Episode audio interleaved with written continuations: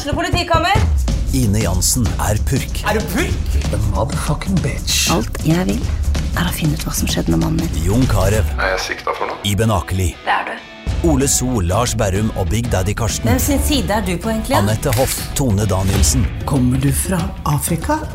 Jørnis Josef, Nesten. Kløfta. Trond Espen Seim, Det er synd å si det, men det var feil mann som døde. Purk. Premiere tirsdag på TV2 Play.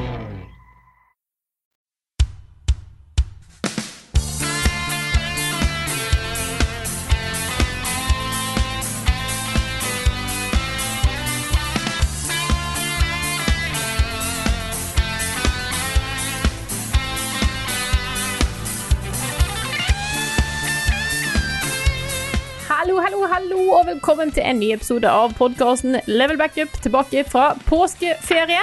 I dag er vi en hel gjeng. Jeg starter med meg, Frida Dammo. Med meg i dag har jeg Karl Martin Hogsnes, Rune Fjell Olsen og Jan Martin Svendsen. Hallo, folkens. Hello. Hello, everybody. Everybody. Everybody. Everybody.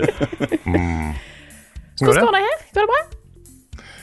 Jo, fint. Akkurat kommet oss etter, um, etter en uh, heidundrende uh, folkeinvestfest som vi var på på, på onsdag. Folkeinfest. Folkeinfest. Folkeinfest. ja. Folkinfest. Den var fin. Takk. Mm. Bra start på podcasten. Nei, det, um, det var, vi ble kalt inn eh, litt sånn rett før, og så fikk vi vite at det skal være litt feiring i kveld. Så det var det. Stakk ut og spiste, det var kjempegodt. Ja, Vi hadde en markering hvor vi telte ned siste timen da, som den uh, Folkeinvest-kampanjen var oppe. Mm. Og det gikk jo uh, over forventning. Vi, uh, det, det kom inn nesten 11 millioner kroner uh, i denne emisjonen, som jo, jo det er. Folk går inn og kjøper uh, så Man utvider antall aksjer, og så kommer folk inn og kjøper de aksjene, og så blir alle de eksisterende aksjene litt mer verdt. Og, ja, det er mye sånne økonomiske greier. Men dette er jo da en, en um, grunnmur som da hele Good Game, inkludert uh, oss, tror vi da, vi er ganske sikre på det, vil bli bygd på de neste årene. Så dette sikrer jo fremtiden til oss alle sammen, både gamer og oss og Telia-ligaen og alle de spennende tingene som, uh, som de sitter og jobber med uh, hos Good Game. Ja, for det er 11 Eh, så millioner det- til Good Game, bare så det er sagt, det er ikke til oss. Nei, Nei. Det, er, det er ikke det. Uh, men de har, det er jo snakk om da at noe av det skal være øremerka til å kjøpe opp resten av oss. Det blir veldig spennende. Vi, hadde jo, uh, vi har jo snakka mye om hvordan vi vil at det skal se ut. Uh, snakka mer om det med liksom en, en øl i hånda på onsdag ute på bar og sånt. Uh, og det er, det er veldig stor og, og grunnleggende forståelse av hvem Level Up er og hvem vi ønsker å være og, og sånne ting, så jeg tror de samtalene kommer til å gå veldig fint. Så det er god stemning. Um, veldig veldig ålreit. Dette er uh, gode nyheter for, uh, for oss og for alle som liker det innholdet vi lager også. Så, så det blir uh, kjempegøy å, å se hva som skjer nå de neste månedene, neste årene. Og så har vi jo en eh, viktig melding til, til de som hører på podcasten mens den er helt fersk. Og da må du høre på mens den er helt fersk. Men om bare noen få timer så skal vi på Vega scene i Oslo for å presentere Super Mario Bros.-filmen. Oh yeah. Det er klokka Når, når begynner det? Det begynner klokka seks. Klokka seks. 18.00. Riktig. Uh, og det er jo uh, en litt sånn uvanlig film å vise på Vega. De viser jo mye sånne, eh, sånne uh, seriøse uh, kvalitets-indie, gjerne indie-filmer. Ja, dette er jo en, en rå framstilling av en italiensk rørlegger. Ikke sant? Dette er et, uh, et uh, menneskelig drama uten sidestykke i animasjonsfilmens historie. Absolutt. Nei, men Det blir kjempespennende, fordi, fordi det er masse gøy å snakke om når det gjelder det å, å eh, bruke spillunivers i eh, film. Um, og det er jo Jakob, som vi kjenner godt fra før, som skal holde da en, eh, en paneldiskusjon uh, om denne filmen nå, om spillfilmer generelt. da. Så det er da klokka 18.00 på Vega. Det blir en 20-30 minutters eh, introduksjon, og så vises da filmen på originalspråket etterpå. Tror nok vi kommer til å smyge oss ut når filmen starter, eh, Karl. Vi har sett den to ganger før. Ja, vi har det. Sett den en gang på norsk, Ja. en gang på engelsk. Mm. Så det er, jo, det er jo en veldig morsom film, men eh, jeg, jeg kjenner at det, det holdt å sette den på kino to ganger. Ja da, det har det også. Eh, Det hadde bare vært liksom plikt å se den enda en gang. Men eh, vi kommer til å være der litt før, da. Litt før klokka 18. Så hvis noen har lyst til å si hei, så kommer vi til å være der på Vega litt før klokka 18. Jeg gleder meg. Ja, det blir, det blir kos, det. Så kan jeg også bare si til alle at hvis, det, hvis dere ikke har sett Mario-filmen ennå, så er jo dette her en god anledning til å gjøre det. Absolutt. Den er, den er verdt å se for sånne folk som oss, som liker spill. Microsoft har kjøpt alle spillselskapene i Japan. Mario har blitt pensjonist. Half-Life 5! Hideo Kojima starter spillstudio i Bodø. Skyrim er nå tilgjengelig på Mars. Miyamoto har lagd en kano. EU forbyr teabagging i spill. Ukens hotteste. Fresh from the press er en eh, pressekonferanse slash eh, visning av eh, mer innhold fra Final Fantasy 16, som kommer om ikke altfor lenge. Den ble vist i går kveld for, for oss, altså torsdag kveld. Carl, vår Final Fantasy-ekspert og reporter, ikke på, på stedet, men i hvert fall, i hvert fall her. Ja, Ja. Hjemmereporter, hjemmereporter akkurat nå. Yes. Yes. Nei, jeg, har jo, jeg var jo der. Jeg var uh, til stede hjemme og så på det klokka 11 i går. Jeg også. Jeg var, jeg var litt usikker på om jeg skulle se det, fordi 22 minutter er ganske mye. ja. Så jeg var litt sånn, skal jeg spare meg? Spillet kommer snart. Men så tenkte jeg jeg er tross alt med i en nyhetspodkast, kanskje det er greit å få med seg nyheter. så jeg valgte å se på det. Ja. Og det er jo, jeg har jo voldsomt troa på det spillet her. Jeg tror det kan bli en ny, en sånn ny start for en annen type Final Fantasy. Dette er jo et action-RPG med enda mer fokus på action enn det har vært før. Så jeg er veldig spent på det. Devil May Cry-inspirert type combat, virker det som. Og mye ja, det er jo en av designerne fra kampsystemet i Devil May Cry som stemmer. Combat Director. Mm. mm. Uh, og de, de prater mye om de der eh, icon-fightsa, som er sånne svære skapninger som eh, alltid er med i Final Fantasy. De har nye navn for hvert spill. Men, uh, men her så er det altså sånn Ifrit og Phoenix og Odin og disse her, som da slåss i sånne svære egne små spill, virker det som. Mm. Liksom Phoenix var en slags eh, third person shooter, og eh, Titan er en slags wrestling-match. Så de er, de er innom ganske mye forskjellig. Men det var, eh, det var mye, mye ny video. Litt, de snakka veldig lite om historien, syns jeg. Det var bare noen sånne glimt av dette er noen av hovedpersonene. Dette er settingen. Her skal du være, og diverse, diverse. Men jeg syns jo spillet ser gøy ut. Jeg synes Selve presentasjonen var litt sånn rart redigert.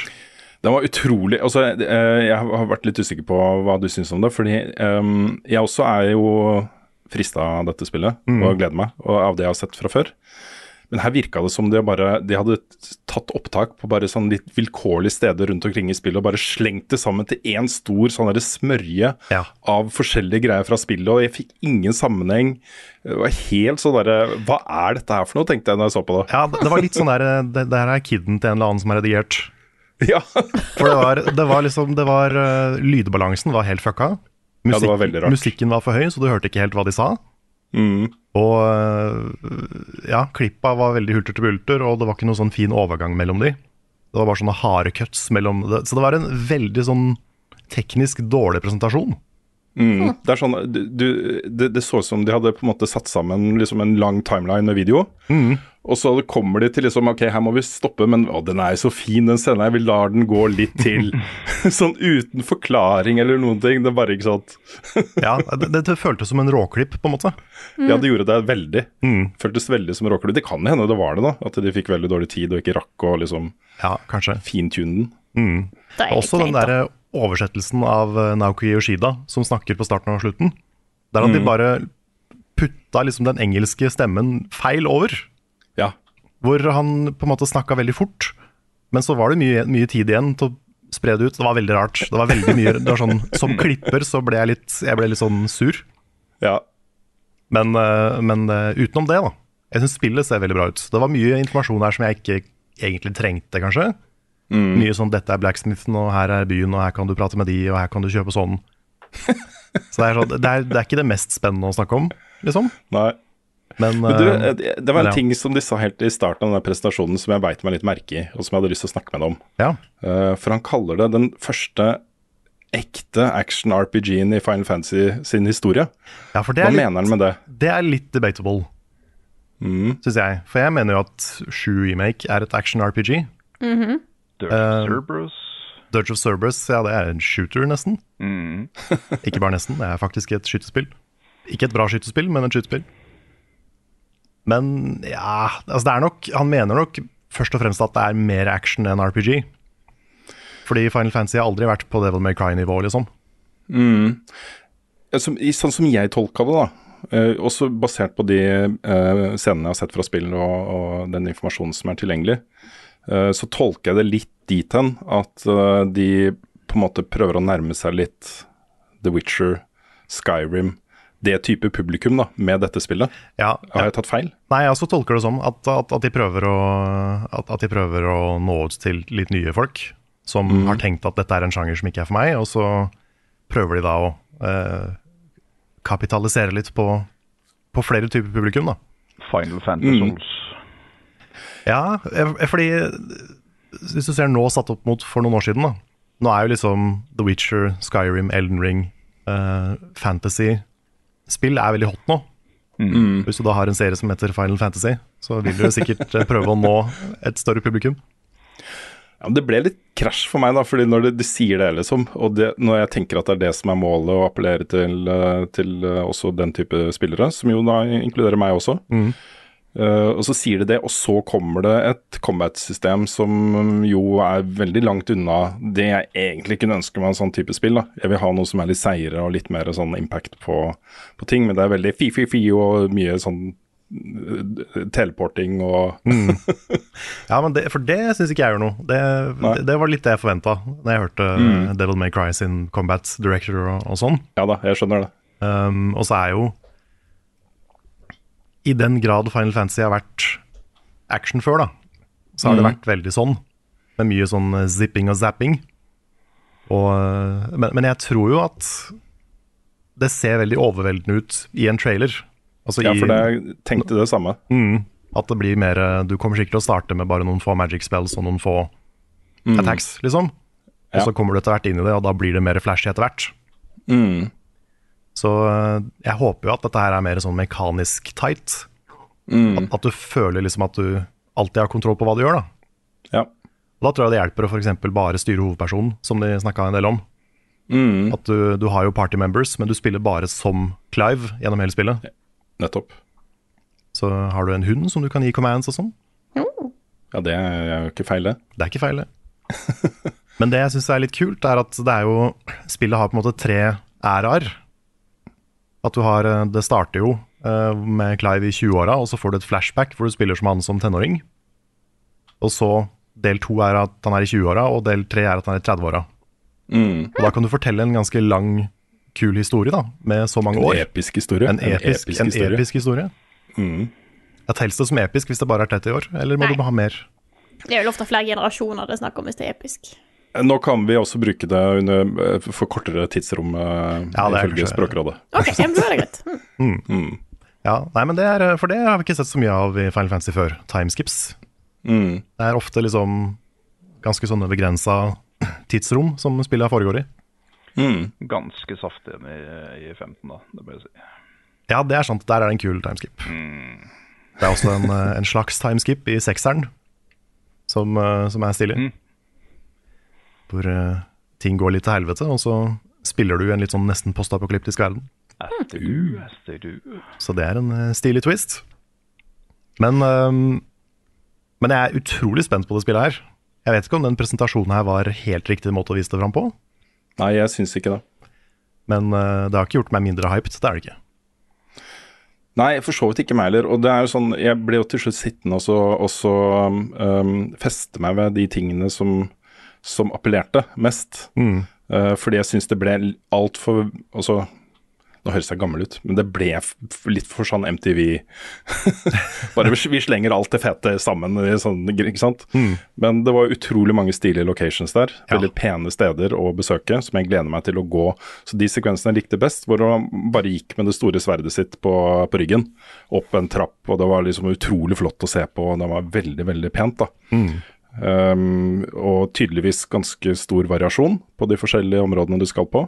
Um, så når du fikk se liksom det store kartet, og at du kunne fast travele til forskjellige punkter og gjøre sidequests og, og sånne ting, så, så tenkte jeg at det, dette, dette er det jeg ønsker meg et sånn type rolles, rollespill. Jeg vil ha en stilig verden som det er kult å være i, hvor det skjer mye gøy hele tiden, og det er kule bosskamper og mye valgfrie greier, og du kan oppgradere våpenet ditt og kjøpe nye våpen og legge inn ferdighetspoeng og alt dette her. Mm. det syns jeg var eh, det, det er de tingene som har gjort meg gira på dette spillet. Ja, jeg har jo litt annen angle, fordi jeg er eh, glad i serien allerede. Men jeg, Mm. jeg har jo mest lyst på en eh, bra historie. En skikkelig god historie. Fordi mm. det var elementer av ting som var kjempebra i 15, men hovedhistorien der falt litt sammen, fordi det spillet hadde en trøblete utvikling og diverse. Men jeg har litt trua på at de får det til, da. Fordi 14 har hatt så mange bra historier nå. Og det er jo Yoshida som redda 14, som står bak det her. Og så er det Det er veldig forskjellige typer historier i Final Fantasy. Noen er veldig fokusert på de der eh, litt sånn interpersonlige dramahistoriene. Hvor rollefigurene og hva de, hva de føler og hvordan de har det med hverandre og sånn, er i fokus. Og så har du mer sånne politiske intrigehistorier. Og det her ser ut som det er veldig det siste. At det er veldig fokusert på verden og politikken og eh, krig og konflikt og, og sånne type ting. da. Jeg håper at de har fått det til bra. Jeg, Da jeg spilte Final Fantasy 12 for første gang, som også er veldig sånn, så var jeg ikke helt mottagelig for det. Da vil jeg heller ha litt den der eh, dramatiske eh, anime-menneskene som blir glad i hverandre og sånn. Og det var litt mindre av det i 12. Eh, men nå er jeg mer mottagelig for det. Så jeg håper liksom at de har fått det til. De har eh, i, I Heaven's Ward i Final Fantasy 14 så hadde de en veldig kul sånn politisk historie. Tøft. Så jeg, jeg tror de kan få det til. Og så var det en annen ting de viste fram i, um, i, uh, midt inni dette her et eller annet sted. Og det var jo de nye accessibility-mulighetene som er i, i Final Fantasy 16. Hvor du da knytter det til først og fremst da, noen spesielle ringer som du kan uh, velge å bruke. Du har vel fire ringslots, sånn som i en del andre spill vi kjenner. Ja, var det ikke tre? Ja, kanskje det er tre. Jeg tror det var tre, men jeg husker ikke. Men uansett, da, disse ringene gir deg jo samme type buffs som vi kjenner fra da, bl.a. Uh, Dark Souls-spillene. Um, sikkert uh, sånn uh, mer strength, uh, mindre fall damage. Altså, det er my mye greier, da. Men disse ringene her, en av de auto-dodger uh, unna angrep. Uh, og den andre, hva var det denne gjorde igjen? Den Det var vel en, jeg tror det var en litt sånn auto combat counter-type ting. At du Ja. får at, at tida stopper, og så får du lov å liksom velge et attack. Ja, du kunne velge uh, R1 counter Mm. um, i litt sånn slow motion. At det ble et større vindu for det, da. Um, I tillegg så vil du da også kunne velge story mode når du starter, eller action mode. Uh, og i story mode så gjør liksom fiendene mindre skade, og du tar mindre skade. Uh, og det er jo en slags easy mode, da. uh, som vi også kjenner igjen fra spill som God of War og andre, andre spill. Um, det virker som en, en, en litt bedre kompromiss enn en det så ut som eh, da de snakka om det først. For da ble jeg liksom Hvorfor i all verden skal jeg bytte ut de fete, eh, kule ringene med, med ringer som gjør spillet lettere? Jeg skjønte liksom ikke helt hvorfor. Men Nei, jeg, jeg setter nå pris på at Jeg tipper det er altså, for det første en accessibility-ting, men, men også mye for å prøve å blidgjøre de som savner den mer turbaserte greia. da. At de som liker Final Fantasy, men ikke liker actionspill, at de skal få et slags kompromiss. mm. Det, det er i hvert fall sånn jeg tolker de ringene. Ja, for jeg likte, jeg likte den der at tida slåa ned, og du kunne få bedre tid til å gjøre counters. Jeg har en mistanke om at jeg kanskje kommer til å bruke den ringen. I hvert fall uh, noe. Ja. Da kan jeg anbefale et spill som heter Final Fantasy 7 Remake, hvor du kan stå og slå ut tida hele tida. If you want. Takk, takk. Takk for tips. Takk Ja. for tips. Nei, men, Final eh, ja. Hva skulle du si, Frida? Jeg skulle til å si at eh, spillet Final Fantasy 16 kommer ut eh, 22. juni. Det er jo ikke altfor lenge til. Det er ikke Det akkurat det jeg skulle si også, Frida. Ja. Mm. Supert. Da er vi enige. Eh, er, det, er det hype? Jeg er veldig hyped. Det er, eh, jeg er ikke like hyped som et annet spill som kommer snart, men, eh, men det er oppi der. Jeg er også hyped, men det er litt av samme grunner som deg, Carl. Fordi det er så mye annet å være hyped for før 22. juni. Det er det. Eh, du har Star Wars Jedi Survivor, du har Redfall, du har Zelda. Eh, du har Amnesia The Bunker, du har Diablo 4. mm. Det er liksom, det er så, kommer så svære spill nå Det det. at, eh, at eh, Final Fantasy 16 plasseres liksom bare litt, litt i bakhodet. Så får vi hente det opp igjen etter Diablo, tenker jeg. Tetris. Skyrim. Destiny 2. The Sims. Edderkoppkabal. Destiny 2. Animal Crossing. Pokémon Cola eller Pokémon Pepsi. Destiny 2. Guitar Hero. Kingdom Hearts Bohemian Boogaloo. Destiny 2. Level Ups spilleliste. I dag blir det litt spookums her i Kammerspill til den siste spalten, og vi starter med litt Resident Evil.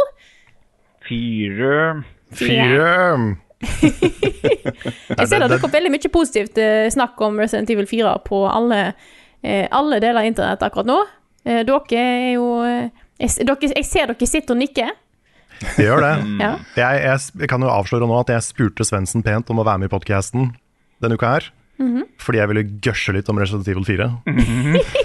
Ja, anmeldelsen din kom jo for ganske lenge siden nå, Svens. Ja, det Eh, men du har, ikke- du har vel ikke vært på i podkasten for å snakke om det, så det er en Nei. god anledning, eh, nå som Carl også har kommet seg gjennom, til å, til å gjøre noe med det, da. Yes, Jeg har ikke bare kommet meg gjennom, jeg er halvveis ute i Playthrough 2. Oi! Så jeg er, jeg er helt frelst av det spillet her. Det er jo mitt første møte med Resident Evil 4.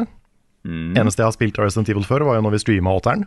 Ja, stemmer det. Så jeg har begrensa erfaring, men, eh, men det spillet her er liksom Jeg føler at jeg har oppdaga en bit av spillhistorien som andre bare har snakka om, og så har jeg nå liksom endelig sett hva de snakker om. Mm. For jeg ser jo liksom inspirasjonskilde til The Last of Us, til Bloodborne, til mange ting i det spillet her. Mm.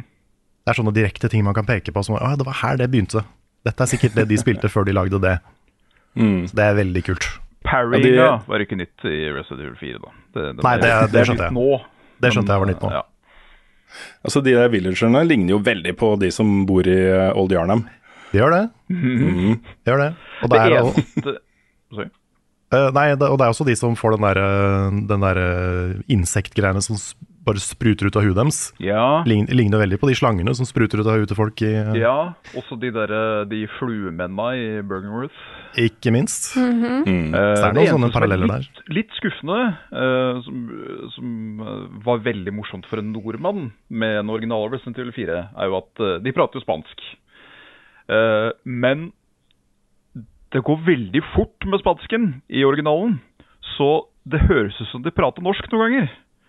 Det er ganske lange setninger da, som er, eh, er høres bare sånn ord for ord norsk ut når du hører, hører det komme fort. Så Litt sånn der Harald Eia, Bård Tufte Johansen eh, oversetter. eh. Ja, det, nei, nei, nei. Du, jeg skal spille et klipp etterpå, så kommer du bare til å høre Ja, jeg hører norsk, jeg. Bare norsk. Mm. Ha, Da er det liksom plutselig så skriker én village bare Hara yellow? Altså Hara, hara gul?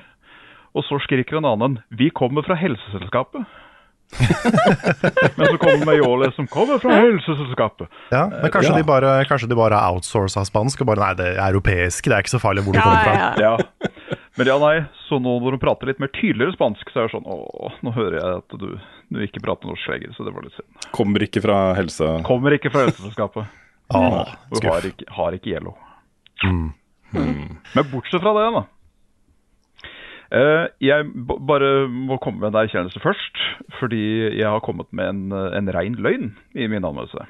Oi. Ok, Og dette var jeg ikke klar over. For jeg, eh, jeg, jeg runda det jo, og suste godt igjennom Playthrough 2, jeg òg. For jeg liksom OK, ok, dette er dette er ni av ti. Dette er ni av ti.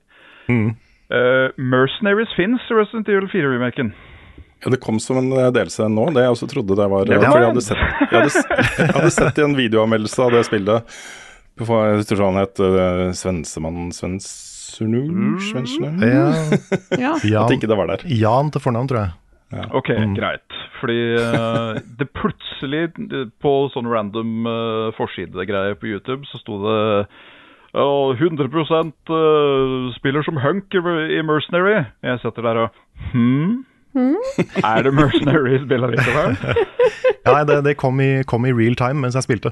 Greit. Så det var, det var ikke med, men det er med nå. Så never mind. Så det er en, det er en ny måte å unlocke den der uh, handcannen på. Og det har jeg tatt i bruk i så Playthrough bra, 2. oh, Så det har vært litt eh, gøy. Jeg fikk dobbel SS på hver eneste character i original. eh, Oi, oi, oi. Oi, oi. Ja, der er Men et spørsmål der. Ja. Må du spille Mercenaries for å ta plat Platinum Trophy? Det tror jeg ikke, i og med at den kom etterpå. Ja, det hadde Jeg vært vet sykt ikke. Jeg spør. Ja. Kanskje Men, sikkert få eh, platt, men få et par ekstra Men jeg trodde, Kanskje. jeg har alltid tenkt at Mercenaries er en sånn der eh, Litt sånn der du må være 14 år og høy på Red Bull for å komme deg gjennom. Nei, Da måtte det i Village, da. Det var ganske beinhard, eh, Svens. Åh, ja, det Ja. Jeg har ikke platinum i Village ennå, for å si det sånn. Nei, for Nei. der må du få S-rank på alle banene. Mm. Ja, fordi, uh, og det var, var tøft, ass. ja, for det er ikke så vanskelig her. Jeg, jeg, jeg, har spilt, her. eh, jeg har spilt hver bane to ganger og fått S-rank på alle. Bra. Så det, det, var ikke, det var ikke veldig tøft. Men, um, men tilbake til the main game. Mm. Jeg er jo litt sånn notorisk uh, pyse på skrekkspill. Men så har jeg hørt Grunnen til at jeg ga det her en sjanse, at jeg har hørt at liksom Resident Evil 4 er ikke skummelt. Det er det, et actionspill. det var her action begynte, på en måte, Ja. i uh, serien. Og jeg er jo ganske enig i det. Det er liksom det er skummelt på samme måte som Bloodborne er skummelt. At det er liksom bare trykkende og ekkelt. Ja, det er noen Og gutt- intenst. Altså, sånn som når du Uten å si hva som skjer, men når du slåss mot The Chief of the Village Det er ikke bra. Det er virkelig Nei. ikke bra. Nei, det, det er sant. Tenker du på han, han eh, i den brennende bygningen, eller tenker du på han siste? Han, han med skjegget. Ja, ja han, er, han er morsom. Det, det, er ikke, det er ikke en bra visjon, sånn sett. Altså, veldig bra visjon, men mm, mm, mm. Det er, mye- det er mye ekkelt. Visuelt ekkelt. Men, eh, men det som overraska meg veldig positivt, det er at dette er en utrolig teit historie på alle de beste måtene. ja, ja. Det er, dette er øh, jeg, jeg kan si at den er enda teitere i originalen. Ja, det kan jeg tenke meg. Så jeg vil absolutt anbefale deg å spille, spille gjennom det òg, bare sånn for å få, få den over deg. For da, da er hun fortsatt i den derre huh, You almost became a Jill sandwich. Uh, Ja, Men det er noe av det her òg. Jo, jo, jo. Det bare er Nå, nå er det ræva på en veldig bra måte, på en måte. Altså, eh, Produksjonsbudsjettet er så høyt med, med animasjoner, eh, ansiktsuttrykk, eh, stemmeskuespill, ikke minst. Mens der så var du fortsatt i den derre å, nå, nå tok vi Steve fra, fra kopirommet liksom til å ta av den linen og den linen. Og så bare, Ja, sånn, ja. bare winger vi det. Ja, sånn gammel spillvoice-acting. Ja, ja. Når Ja. slemmingen kommer og så Ha, I'm going to beat you! Men det er den der... derre. Men det, jeg merker fortsatt, da, selv om jeg spiller en remake, Mm, så merker jeg at det er en sånn time capsule fra en tid. mm, For spill blir ikke laga sånn lenger som de Nei. ble her. dessverre. Ja, på en måte dessverre, fordi dette er midt i den derre 2005 Edge-perioden, hvor vi fikk liksom Shadow the Hedgehog. Og dette er kun, all, alt Leon sier, kunne Shadow the Hedgehog sagt. Ja, ja, ja. Det er akkurat den samme karakteren, egentlig. Where's everyone going? Bingo. Bingo. Og liksom, når, når han, Jeg husker ikke hvem det er som sier det, men sånn Accept the holy body. Og så tar Leon opp en pistol og så I'll give you a holy body. Det er så teit, men så bra. det er helt fantastisk. Det er, sånn, det er en sånn tone som jeg bare elsker. Ja, ja. Det Leon spesielt, da. Han er jo en vandrende one-liner. Ja, Og de der, de der knightsa, eller de armor-greiene i slottet Mm. Jeg tror Leon på et eller annet tidspunkt sier 'Nighty night nights'. Et eller annet sånt. Det er noen sånne utrolig dustete one-liners som jeg bare elsker de. Helt fantastisk. Uh, en som er litt uh, En som er litt trist, som ikke er med fra originalen, det er eh, en av bad guysa skal sende ut noen andre bad guys, og så sier han at 'I've sent my left hand to dispose of you'. Og så sier han 'Your hand comes off'. Å, det er gøy. det er veldig gøy. Ja, det er veldig gøy. Nei, det, det har en sånn tone som bare I 2005 så er det sånn Er det meningen at det skal være kult, eller er det meningen at det skal være teit? Men her har de gått full teit, føler jeg. Ja, for jeg tror det liksom var litt ment å være 'Å, sjekk så jævla badass Leon var'. Skulle ønske jeg var han, på en måte. Ja. For jeg kan, jeg kan se alle de tolvåringene som spilte Resident Evil 4 da det kom, Ja, og bare fy fader, Leon er han kuleste mannen i verden. ja. Jeg også hadde jo vært en av de, hvis jeg hadde spilt det da. Hadde liksom, Shit, Leon er kul, ass. Jeg spilte det vel når jeg var Ja, det kan ha vært rundt når jeg var 13-14 en plass. I hvert fall, Vi fikk det jo Fikk det jo helt fresht, og vi Jeg tror vi hadde 21 clears på denne saven. Til slutt så Wow. bare runda vi det med kniv. Bare fordi det var gøy. Um, og um, jeg tror vel allerede da vi syntes at det var skikkelig teit. Ja, ok. Men uh, på en veldig god måte. Mm. Fordi jeg elsker det at det, som, det lille touchet med uh, oppgraderingsmodellen til våpen og sånn, at du får en sånn liten RPG-feeling over det hele. Mm. Det gjør det. Eh, åh, mm, deilig. Og han kjøpmannen òg. Som Ja. også er sånn herlig absurd. For han, han har jo den derre Jeg har jo hørt om han før. What Men are you? What are you selling? Ja, Men nå har han jo mange flere lines. veldig mange flere lines. Og så digger jeg at han har bygd et sånt morsomt shooting gallery med pirater og sånn. Ja, ja. Så du bare kan gå ned en, en heis, og så kan du spille hans liksom lille skyteminispill. Og han er kjempegira på at du skal spille det. Ja, det er så gøy, fordi han var ikke sånn i originalen. Da var det mer sånn uh, Pop a few caps and relax, stranger. Det var liksom, det var den. Mens nå er jeg sånn Mm. Oh, you leaving? Hmm, fine. Ja, det er sånn I, I spent a long time making this minigame. Dette tok lang tid å lage de trestatuene, også. Ja, Men jeg skulle ønske da at han oppdaterte seg litt etter hvert i spillet. Fordi når jeg har spilt gjennom hele spillet, så er jeg jo ikke en stranger lenger. Da er vi det. best buds. Så jeg hadde håpa liksom at, han- at han skulle slutte å si stranger etter hvert. Det som var veldig pussig, og jeg kommer en bitte liten spoiler for Nugen Plus Plus, ikke stor, men liten en. Uh, med en gang du starter spillet, så møter du jo kjøpmannen omtrent. Ja. Eh, men så da, når du kommer til det stedet der hvor du opprinnelig møter kjøpmannen i første playthrough, så møter han deg som han aldri har møtt deg før. Mm. Det er sånn ha, but hmm. Ja, det er litt, det er litt rart.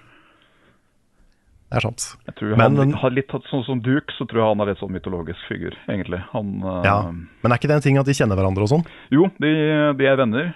Og de er begge to De bare plutselig dukker opp steder. Mm.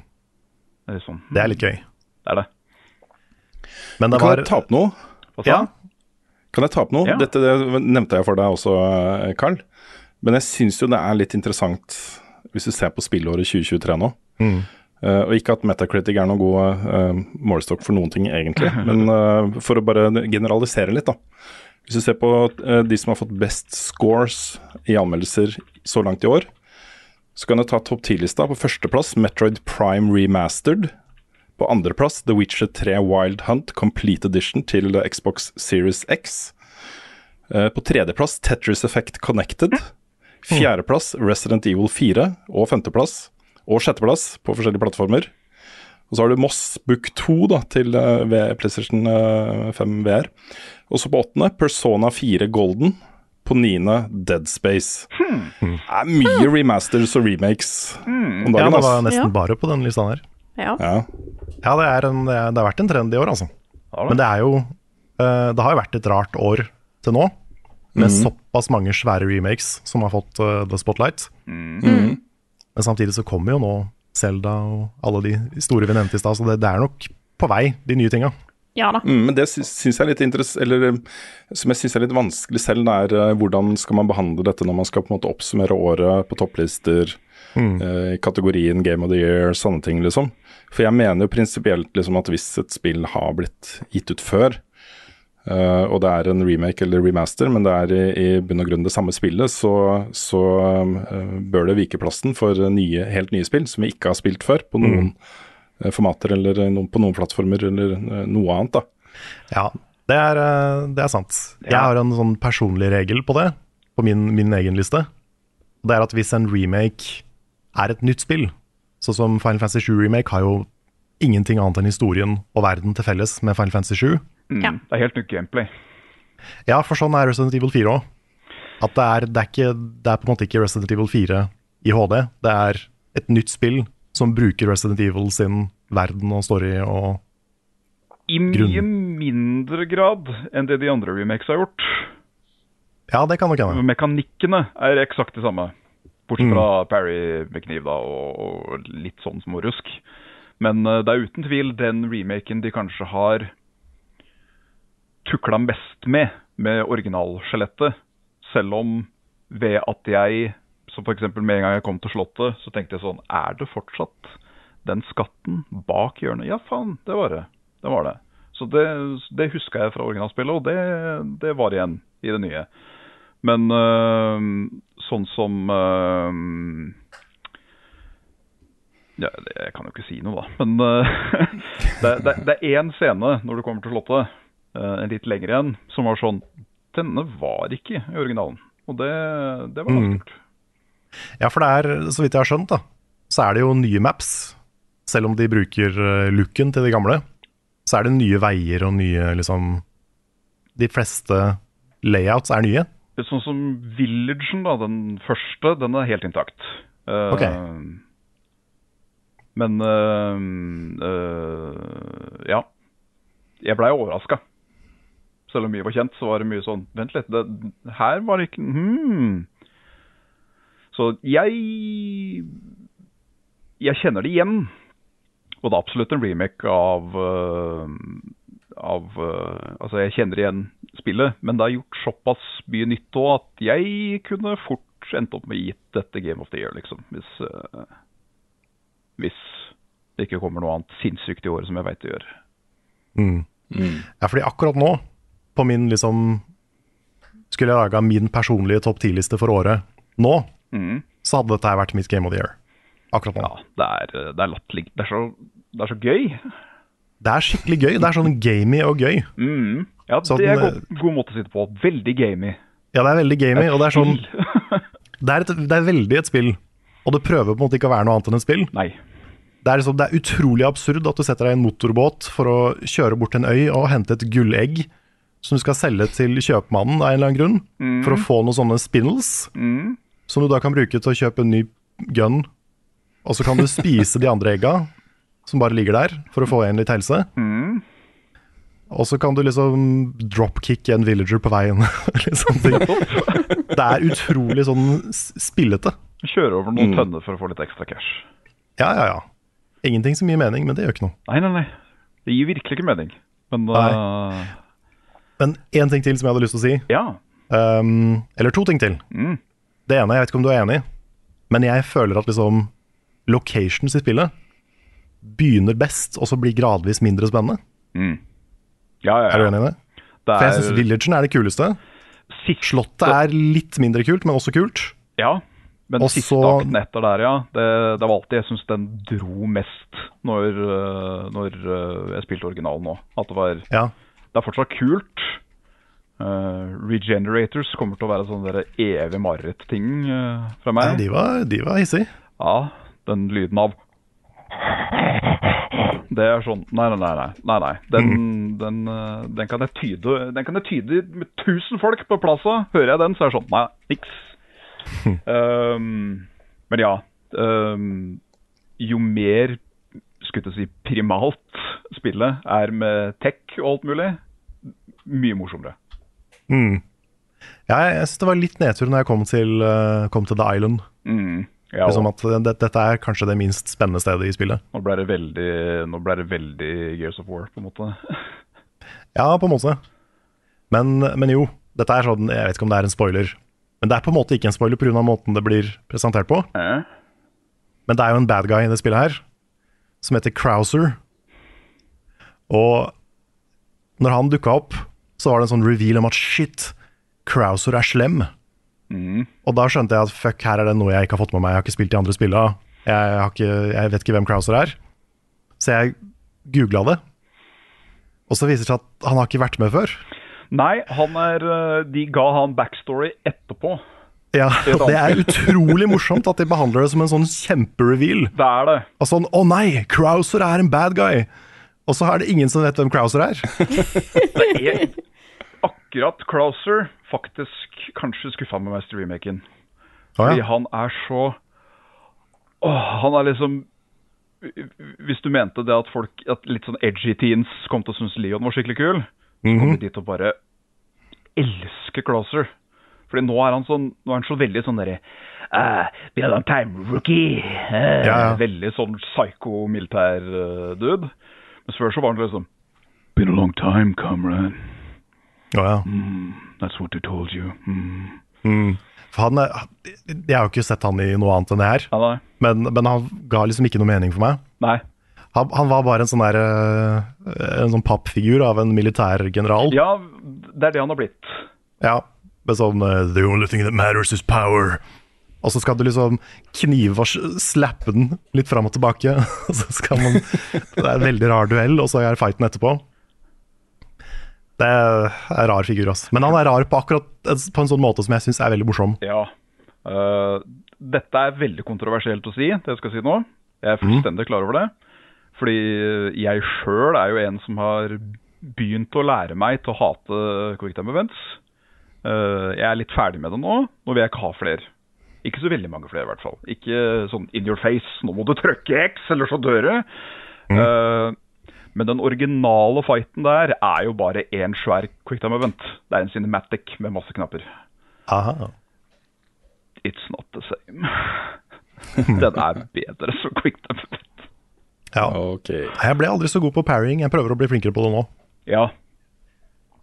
Eh, Men jeg er ikke sikker på om jeg skal gå for For du må jo, du må jo speedrunne spillet basically for å få de siste våpna. ja. Det tror jeg nok ville bli lettere på New Game Plus. Ja, det vil jeg nok. Jeg bare er litt sånn usikker på om jeg, jeg har lyst til å spille det sånn. Jeg liker litt den der sakte stemningsgreia mer enn jeg liker å speedrunne. Så jeg må tenke litt på om jeg skal gjøre det eller ikke. Ja. Jeg har vel bare fått muligheten sjøl til å locke the, the good old classic, The Infinite Rocket Launcher.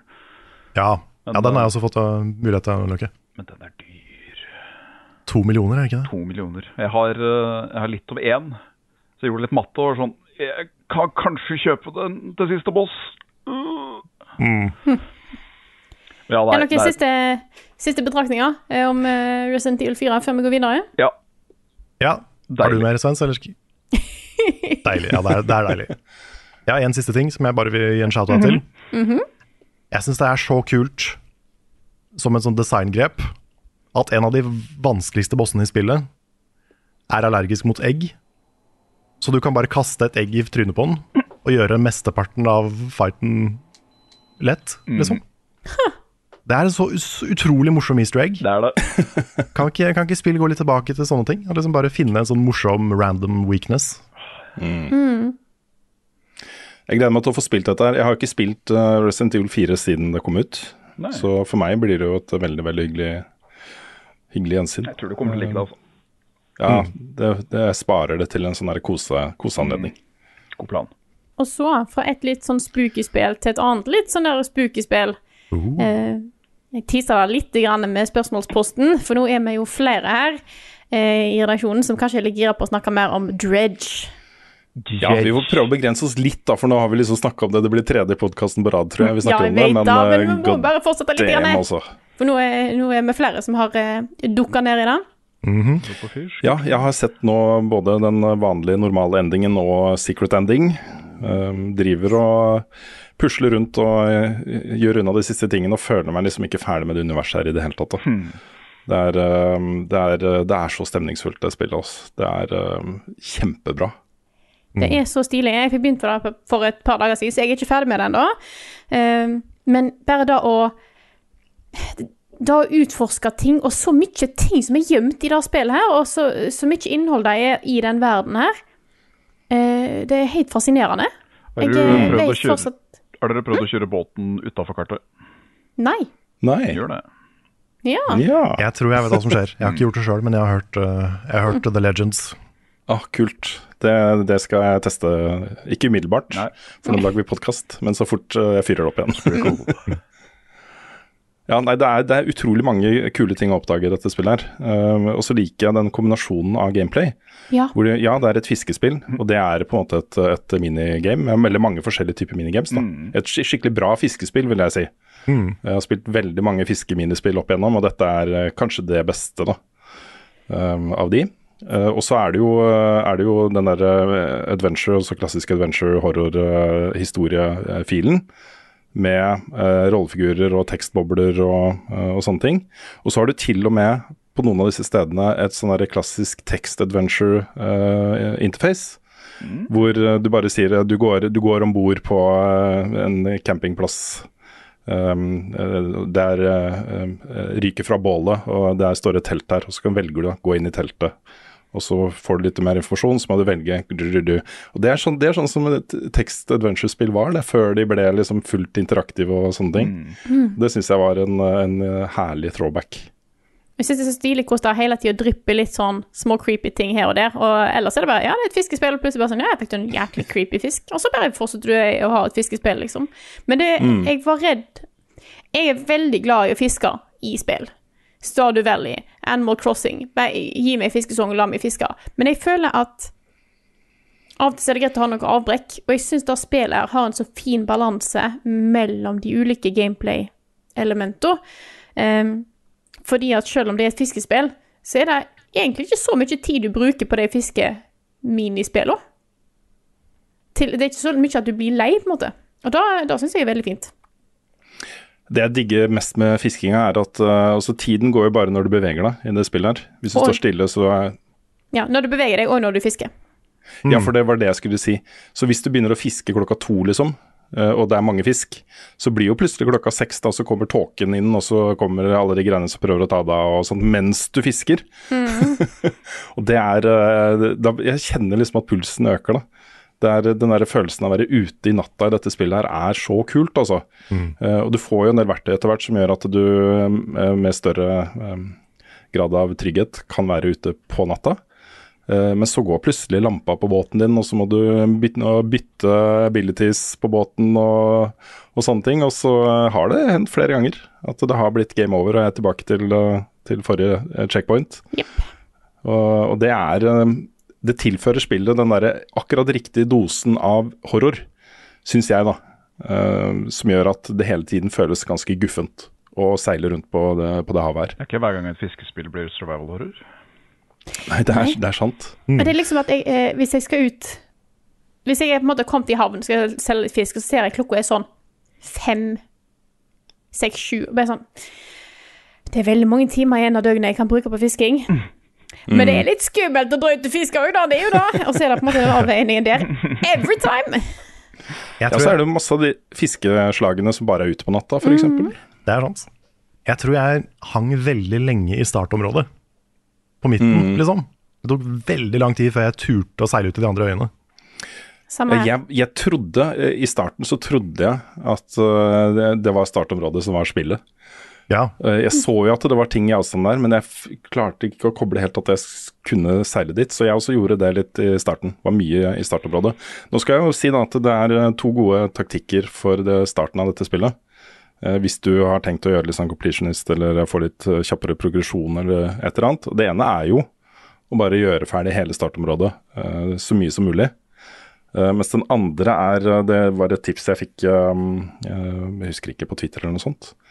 Um, hvor du kan seile til det som er på en måte spillets endgame-område, et sånt vulkanisk område. Hvor uh, motstanden blir litt tøffere, og det er eh, meningen at du skal ha oppgradert båten din litt og fått litt bedre equipment og sånne ting.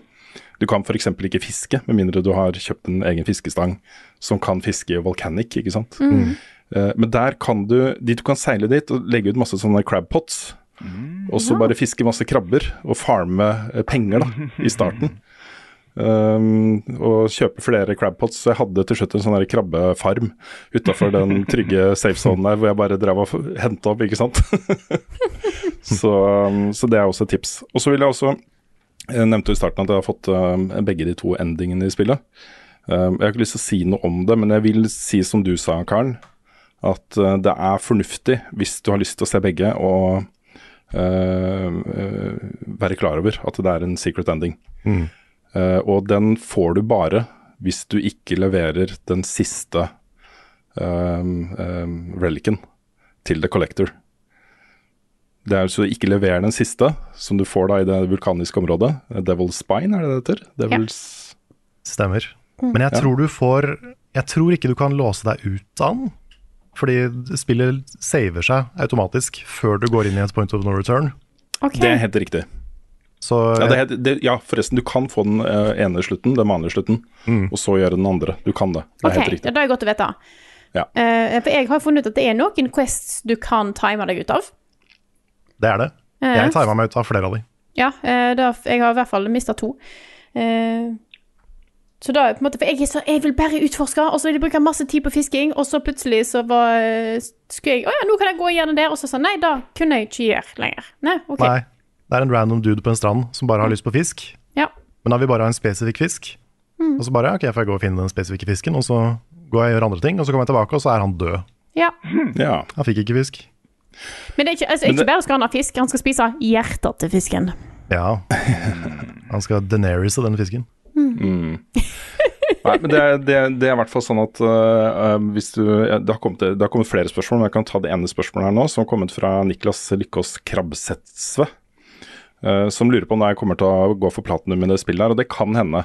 Det kan hende. Jeg har ikke helt bestemt meg ennå, øh, for nå bare koser jeg meg med, med spillet. Men i den prosessen hvor jeg har liksom vurdert det, så har jeg uh, funnet ut at du kan ikke på de sidequestene som du feiler, eller som du ikke får gjort den tingen du skal gjøre, så får du fortsatt completa sidequesten hvis den får en annen eh, outcome OK. enn en den du har tenkt til. Så så lenge en sidequest får en outcome, og den blir streka ut i den derre uh, pursuits, eller hva det heter, den taben, så, så tels den. Så bare folk vet det. Det er veldig lite du kan låse deg ut av i, i trophies eller spillet her, egentlig. Så, så når du da kommer til, eh, til det punktet hvor spillet sier at, eh, at etter dette punktet her så er det ikke mulig å lagre lenger, så bare vær klar over at du etter da rulleteksten blir sendt tilbake til det punktet som, som, som du er på da. Bare så, så folk er klar over det. Men det er et eh, nydelig spill også. Skal vi ta noen flere spørsmål, eller? For det er mange Ja. andre som har spilt. jeg føler at dette spillet har tatt litt over eh, spillsfæren min, i hvert fall. De siste Ja, det er gøy. Eh, Det kom et spørsmål her fra Kristoffer Gettoboys Hansen, som spør da eh, Dredge er jo bare helt fantastisk. Hvilke andre spill hadde gjort seg som et fiskespill? F.eks. Cloud som fisker med Buster Sword, eller Marcus Phoenix med Lancer. Fisken. Kanskje et litt rart spørsmål, for det fins jo så mange spill med uh, fiskeminispill. Er, ikke det, Ja. er det ikke et selv-link-fiskespill? Nei, det er Archery-greiene. Ocarina of Time har jo et sånt fiskeminnespill. Ja. Ja, det er mye minigames i Zelda. Ja. Breath of the Wild hadde ikke et fiskeminispill, du måtte bare bombe fisken. Å, jeg elsker bombefisk, for det, Ja. det er det beste jeg vet. Final Eh. Fantasy 15 har jo en episk storyline med fisking, eller mindre. Det er sant. Det er ikke så mange spill jeg har savna fiskespill i. Nei. Det er, det er liksom kanskje Kanskje Breath of the Wild er det nærmeste. Men det Ja. er, det er jo mer gøy da hvis, hvis. Kratos og Atreus kunne gå og fiske sammen. Mm. Ja, Ja. det kunne hatt et fiskespill, Isfiske! faktisk. Ja. Ja, Eh, Sånn Frozen Ja, ja, eller hvis, altså, hvis i nummer to. 2018 Ja. hadde hatt et fiskespill, så kunne det som kom i fjor, hatt et isfiskespill. Ikke sant? Du kan vel på en én måte si at Sekiro var et fiskespill. da. På én måte. Ja, på en måte. På en måte. Hvis du legger godvilja til. Ja. Ja, kanskje et Bloodborne fiskespill med sånn der uh, fucka fisk. Å, nei, men se. Tenk det hvor absurd det hadde vært, ørret. Nei, det var det ikke. Sveive ut igjen! Ja. Dead Space. Mm. Åh, ja, men Det hadde vært litt hyggelig, da. Med liksom all det gørre og makabre. Så bare er det så bitte lite sånn akvarium. Så står det der med sånn bitte liten sånn minifiskestang. Og... Ja, det er jo eh, et spill som har fisk, men ikke har fiskespill. Det er jo Outer Wilds. Der kan du fiske. Det er sant. Mm, jeg vet ikke om jeg vil fiske der, egentlig. Jeg tenker meg om. For, men der spiller du jo også som en slags fisk, nesten. Altså Ja. en, en aquatic species. Mm. Fader. Så det er kanskje litt rart. Ja, de er De, fy de likte jeg ikke. Det er faktisk noe av det mest skuffende jeg har uh, Ja. så, Altså Nei, det er ikke pure horror, det er det ikke. Men det er bare sånn Du bare ser det, og så er det sånn Oh no, oh no, no, Ja. no. Jeg måtte skru på musikk i den delen av Twiles. Da tenker jeg på han øh, Åh, hva er det han veldig uskyldige, naive gutten i, i Sims heter? Er det Ralph? I'm in danger. Ja. I'm in Ja. danger! I'm in danger! Så trykket på knapp og det var jo lenge i uh, Dette er sånn man får vite i Psychonauts uh, Psych Odyssey. Det var jo lenge Psychonauts 2 hadde et fiskespill. Men Ja, de kutta det til slutt, fordi det var liksom ikke noe Det var ikke relevant for spillet. Nei. Jeg har jo i en del eh, sammenhenger nevnt et eh, annet fiskespill som heter Ridiculous Fishing, som er et av mine favorittmobilspill. Uh, og um, eh, for science så gikk jeg og lasta ned det spillet på nytt på telefonen min. Og det kan jeg ikke anbefale lenger, også, fordi det er jo ikke oppdatert. Nei. Så det er sånne bitte, bitte små menyer, og det er, de er så små de menyene at de ikke klarer å kjøpe nye fisketråder og eller snørrer og, og, og sånne ting. Så det, det er rett og slett bare ikke det samme spillet lenger. Det er nest, nesten ikke spillbart. I hvert fall ikke på den måten som det var originalt. da. Telefongaming, ass. Ja, det er, kjempe, det er kjemperart. Jeg skjønner ikke helt hva som har skjedd her, men jeg tror det er på en måte er iPad-versjonen som bare er plassert her, på en Ok. eh, ny iPhone. Eh, og det bare funker ikke. Det funker ikke. Så, um, så det var synd. Um, uh, ja, før vi går videre, så har jeg bare også lyst til å nevne, fordi dette her er sånn klassisk forskjellen på deg og meg, Carl. Mm. Eh, det er snakk om de to endingene på spillet, hvor du uh, sa den, eh, du likte den hemmelige bedre enn den andre. Jeg liker jo den egentlig mye bedre enn den hemmelige. Ja, er Selv om det er elementer da, i, i den hemmelige som gjør også den andre endingen mye bedre. Og som gjør spillet bedre. Ja, for jeg er enig i at den, den første endingen er kulere. Den er mye kulere, men den andre endingen har mer story. Så Den- de, de historiebitene du får i den andre endingen, liker jeg bedre enn det du Ja, det er helt, en, helt enig med deg. Akkurat det er jeg helt enig med deg. Så um, ja. Men all right, er det noe mer du har lyst til å si om Dredge, Frida? Um, nei, jeg er veldig spent på å se hvor eh, dette her går hen. Jeg håper jeg får, eh, får sikkert fullført det ganske snart, nå som jeg har litt ekstra tid eh, on my hands. Eh, var det noe mer spørsmål du hadde lyst til å ta, Rune? Ja, det var ett til som jeg tenkte å runde av, og det er jo, syns jeg er veldig relevant, fordi det er jo en del eh, snakk om, og vi har snakka en del om, um, eh, hva skal man si, eh, innholdsskapere, kunstneres um, uh, hva skal man si, um, oppførsel på privaten kontra verkene de skaper. Uh, og det kan man definitivt snakke om her også, fordi uh, HP Lovecraft er jo en sånn vedvarende figur i horror. Eh, underholdningsmedier. Mm. Han skapte jo en, en sjanger, på en måte. Det gjorde. Ja. Skapte en hel sjanger. Kutulu, eh, alle disse tingene her med havet og sånt kommer jo fra Lovecraft, mer eller mindre. Han er sikkert inspirert av andre ting, han også. Men han var jo en riv, riv ruskende, fullstendig 100 rasist. Um, ikke bare på privaten, men uttalt. Han skrev liksom offentlige um, greier om det, og, og egne bøker. og det, det er ikke, altså det, Forestill deg den verste, mest åpenbare rasistiske du kan tenke deg. Sånn var han. Ja, ja det er, og det er ikke bare sånn der eh, fordi tiden han levde, han var ekstrem da. Nettopp. Uh, og da har det kommet et spørsmål da, fra Spansley som lurer på hvordan vi forholder oss til det. Fordi det er jo på en måte eh, like ille, og kanskje verre, enn mye annet som, som er i dag. Eh, og han spør da eh, hvor går grensen for å skille kunstner og verk. Er det en forskjell uh, at Lowcraft døde for 85 år siden? Um, og det, det er det jo. Ja, ja for det, det er kanskje den største forskjellen. Han lever ikke i dag. Han han tjener ikke penger på det. Nei, han sitter ikke på Twitter og spyr ut uh, hatgreier mot folkegrupper i dag, liksom. Nei. Eh, det er en viktig forskjell. Eh, og det er jo også, føler jeg, en viktig forskjell at veldig mye er inspirert av verkene hans, eh, uten at det kommer direkte fra han. For jeg sitter jo, jeg må innrømme at jeg, jeg leser jo ikke Lovecraft sine verk i dag, for det, der er Nei. det mye rasisme og mye Mm. Ja. Um, jeg er veldig glad i Lovecraft-inspirerte ting, men det er ikke så veldig mange av hans historier som jeg har et spesielt nært forhold til. Nei. Nei, altså jeg er, jeg er jo eh, enig, eh, og det er på en måte også et godt eksempel på det eh, grunnleggende prinsipielle som jeg også mener, at man skal skille kunst fra kunstner. Og det er lettere å gjøre det med Lovecraft enn med andre ting. Mm. og jeg er også enig med deg at, at det å på en måte spille et spill da, som er inspirert av de universene og de monstrene og de tingene som Lovecraft skapte, er lettere å svelge og lettere å spise. Det er ikke noe sånn at, at jeg ved å ikke ta opp at Lovecraft var en rasist, når jeg hyller et spill for eh, en utrolig stilig Lovecraft-inspirasjon, så sender jeg ikke folk direkte til en Twitter-konto med, med 100 millioner følgere. Nei. hvor det sitter en rasist og, og er rasist. Mm. Ikke sant? Det er sant. og det, det er en ganske stor forskjell, altså. Ja, jeg også, altså føler det. Så det, det har mye å si at en person har vært dau i 100 år. Det vil jeg si, det har, my, det har mye å si.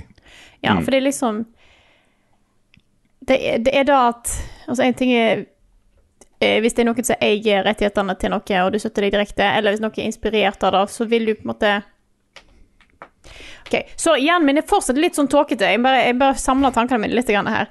Um, det er noe med at om du ender med å faktisk støtte noen finansielt som lever, da vil du på en måte òg gjøre at den, de personene òg fortsatt har penger og er store og alt sånne ting. Da, da er for meg et litt viktig skille, da. Og han her er Ja, det. ja det er det. Ja, de får ikke mer eh, De får ikke mer makt eller innflytelse til å drive med det de driver med. Ja. Nei. Det er en, eh, en um, voice actor med en helt fantastisk stemme, uh, som heter Wayne Jude, som også er uh, bedre kjent som narratoren i Darkest Dungeon. Han som har den derre eh, A match is struck, a blazing star is born. Alt kan ikke Ingenting kan fortelles rett fram. Det må være i levels og, og dybde i det. Um, og han har mye sånn dramatiske reads av Div, og også mye Lovecraft. Hele Mountain of Madness er der, og det er sånn tre timer eller et eller annet. Det har jeg hørt på. Og det er jo fascinerende, men det er jo noen ganger når du sitter og spiller, og han, han leser det som det er skrevet, som holdt på å si, at du slutt bare snapper litt tilbake og Fargefullt språk, ja. Det var, det var min opplevelse òg. Etter, etter jeg spilte Bloodborne, ja. så uh, sjekka jeg på YouTube om det var noen som hadde lest opp noen Lovecraft-historier. Det, det holdt med én. ja. Det var plutselig så bare Oi, ok, det er det, er- det, er det her, ja. Nei, Jeg gikk jo også den aller første James Bond-boka til Ian Flemming. Jeg har jo jubileum nå. Ja, Det er et veldig godt eksempel. Der er det mye rart her.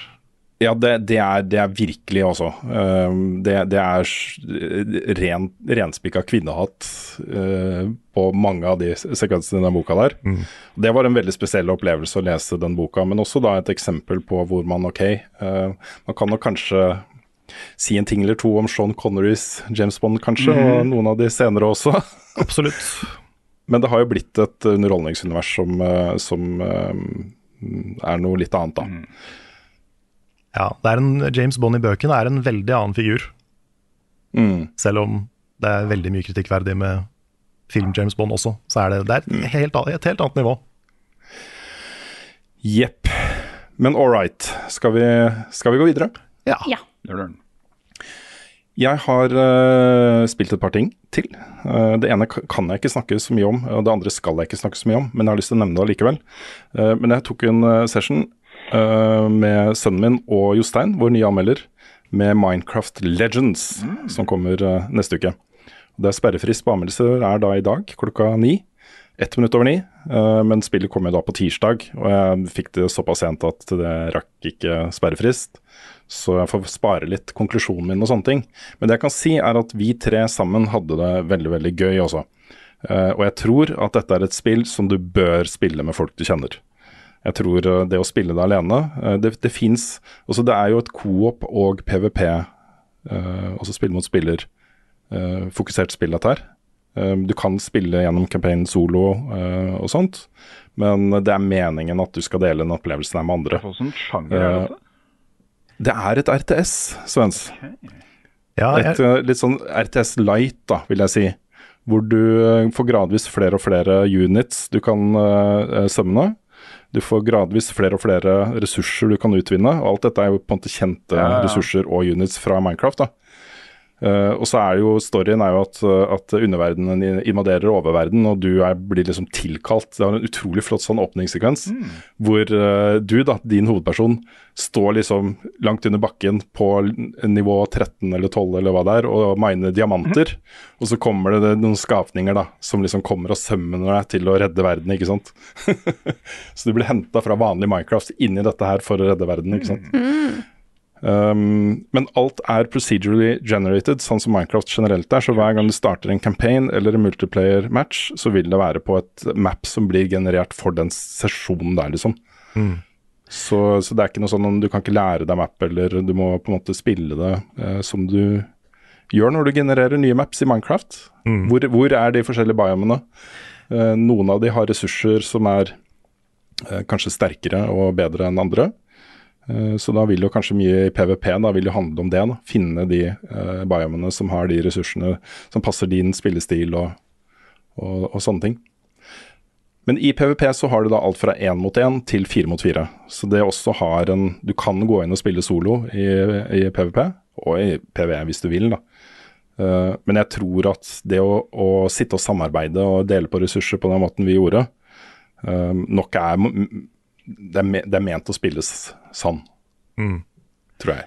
Vi prata litt om det off-cam, og jeg ble overraska over å høre hvor RTS det var. For hvis, hvis dette er et moderne type Red Alert, liksom, så er det mye mer interessant for meg, plutselig. Ja, så jeg vil jo si at min erfaring med sjangeren er jo ganske begrensa. Men mitt inntrykk da fra det jeg har spilt, er at det er ganske betydelig enklere, uh, mer sim uh, simplistisk enn en det de liksom store, klassiske RTS-spillene er.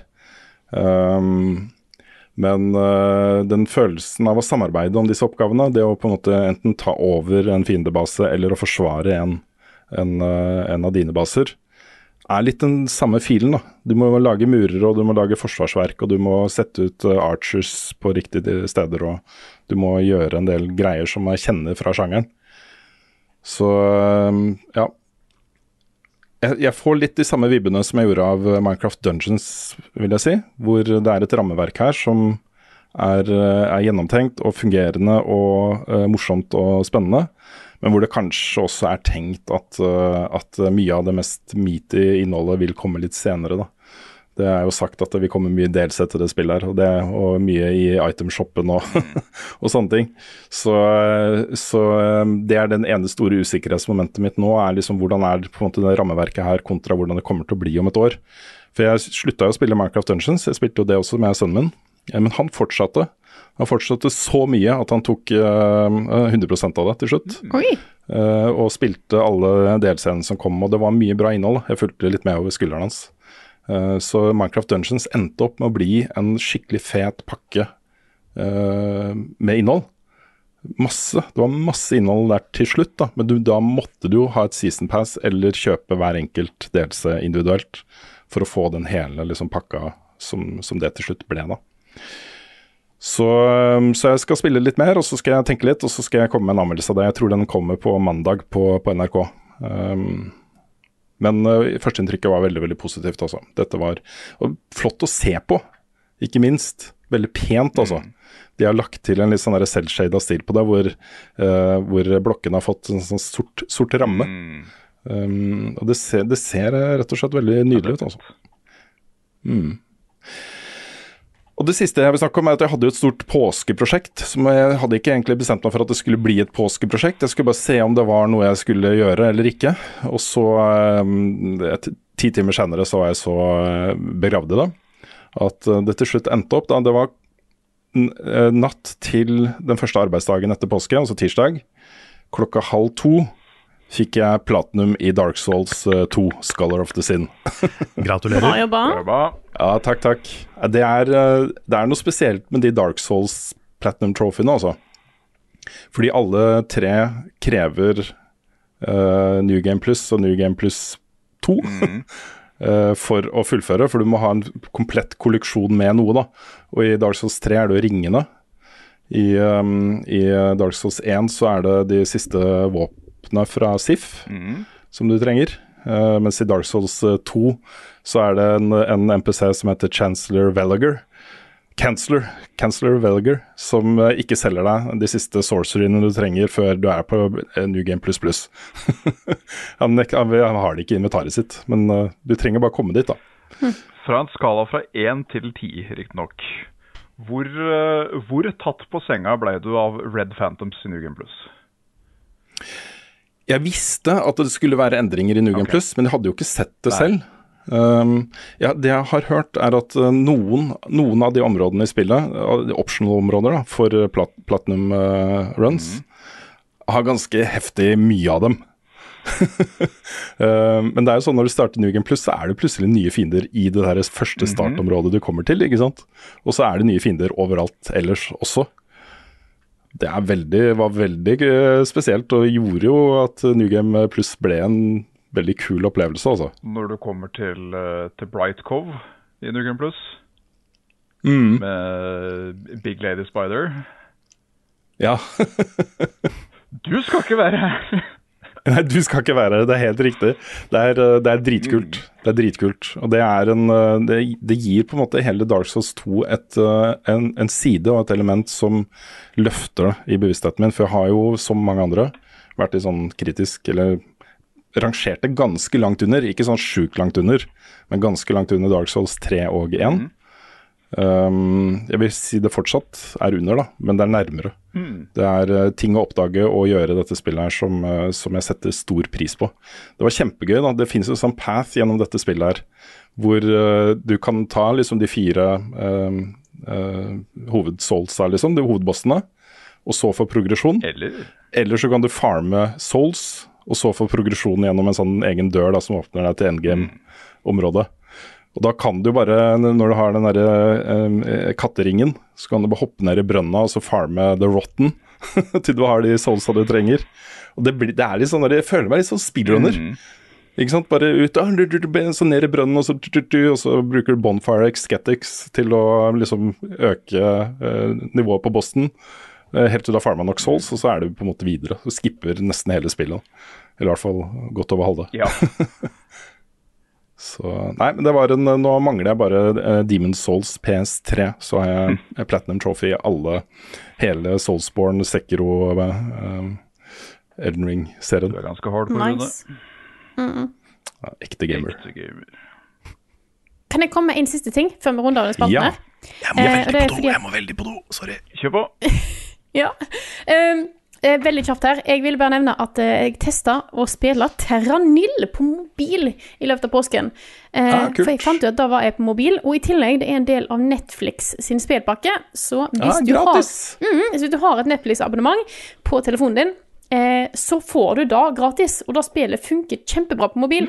Eh, så jeg vil bare nevne det. Hvis du syns at spillet så veldig interessant ut etter den veldig flotte anmeldelsen til Jostein som er på kanalen vår, sjekk det ut på mobil. Det er it's very nice, very, og så er det, veldig, det er veldig chill. Og veldig gøy. Og jeg sitter fast på ene levelet, for jeg, det er litt vanskelig. Uh, så, så jeg eh, skal helt klart spille det mer. Men veldig lett eh, tilgjengelig, så jeg tenkte bare å nevne det for folk som ikke har fått med seg det. Bra tips, Frida. Du er også en ekte gamer.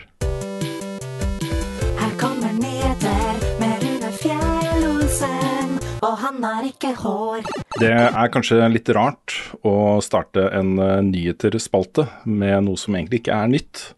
Men eh, jeg satt med såpass store mengder med gåsehud etter eh, den eh, tredje hovedtraileren til eh, The Legend of Zelda, Tears of the Kingdom, at jeg føler det var liksom på sin plass da, å starte med den. For nå har de da presentert den, både denne den der directen, hvor, hvor eh, det ble jo spilt masse, eh, men så kom det da en trailer nå i denne uka her. Hvor de presenterer litt mer av historien og stemningen og filen rundt dette spillet. Og pokker også! Jeg har, jeg har jo visst liksom at dette er et spill jeg har lyst til å spille, men nå, nå Bear witness to the Det er liksom, Jeg har sett noe på internett som er litt sånn eh, Å ja, men de har ikke vist noe. Eh, er vi sikre på at det blir bra? Bare sånn, ja, Dette er bare Nintendo sin måte. bare sånn, OK, vi bare venter til det er nærme, og så viser vi ting, og så blir folk hyped ekstremt eh, rett før det kom ut. For, jeg er bare- føler at med den traileren der Nå har jeg sett alt jeg trenger, eh, Ja. og nå, nå vil jeg bare eh, ha det. Jeg ser det er alles konsensus, og mer eller mindre sånn rett etter jeg så det at um, Andreas Viking hadde sendt melding i, i vår uh, Facebook-chat at holy shit, har dere sett uh, traileren? Da tenkte jeg nei, det har jeg ikke gjort. Men så går jeg inn på Facebook, og da er det sånn sju meldinger på rad fra alt fra IGN til veit da pokker. Alle er så ekstremt thirsty for Gandorf. Ja, jeg har fått med meg det her. At uh, hele internett har uh, fått en uh, litt, sånn der kollektiv boner for Ganondorf. Looks pretty good, though. Nå er Altså, det kult. også at det bekrefter nå at det er Matthew Mercer som er -hmm. til Gandorf. Stemmer. Det, Det har vært spekulasjoner om lenge. For når jeg, når jeg Ja. hørte han prate først, og det husker jeg fra en tidligere trailer, og at vi hørte jo denne mannestemmen. At det liksom Er det Ganon, eller hva pokker? Og så hørte det var, så fikk vi jo bevis nå at det var Ganon. Og mens han bare prata, så var jeg fortsatt litt sånn mm, Litt on the fence, er ikke helt sikker, men så kommer han med den derre!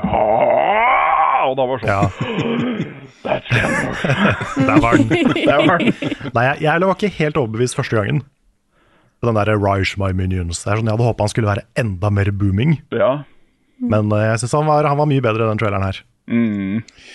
Det er et stort, stort eh, moment da, fra traileren som, eh, som eh, eh, jeg er veldig spent på. The Build-A-Wagon. Nei, jeg tenker på, på Zelda og hennes rolle i dette spillet her. Ja, fordi i det forrige spillet så var hun jo på en måte en sånn spirit fra 100 år siden som hjalp deg på slutten, særlig da. Eh, Men her blir hun jo da åpenbart sømmene til denne verden her, eh, som en, en fysisk person.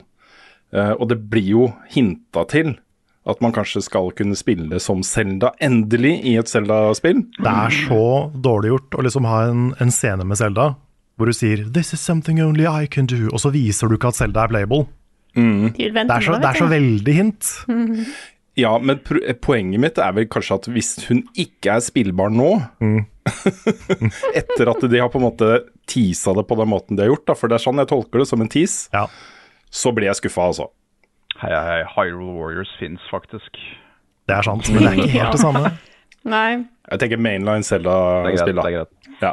Men det, da, det, er også, det som jeg likte veldig godt med den traileren her, i tillegg til uh, at du fikk se litt mer story, uh, veldig gira på det, var at en fikk se områder som så veldig innelukka ut. Altså, du har tak over deg, du er inne en plass, og da tenker jeg det er dungeons. Er det dungeons? Er det, Dungeons. Det har vært mye spekulasjoner på det. Da er det Nå kommer det! Nå kommer det! Nå kommer det. Jeg tipper jo ikke det er dungeons i i den formen vi har kjent de før, med small keys og big key og sånne ting. Nei, da er Jeg tipper kanskje det er litt mer sånn at de følger litt den samme oppskriften som Breath of the Wild gjorde, men kanskje med litt, flere, litt mer varias variasjon visuelt. da. Ja. Og det er bra nok for meg. Jeg er helt enig. Og det var litt store bossfights du så tendenser til der òg. Det var det. det, var det. Den derre den, eh, den kjempeormen, den, den så enorm ut. Gjorde det. Ja.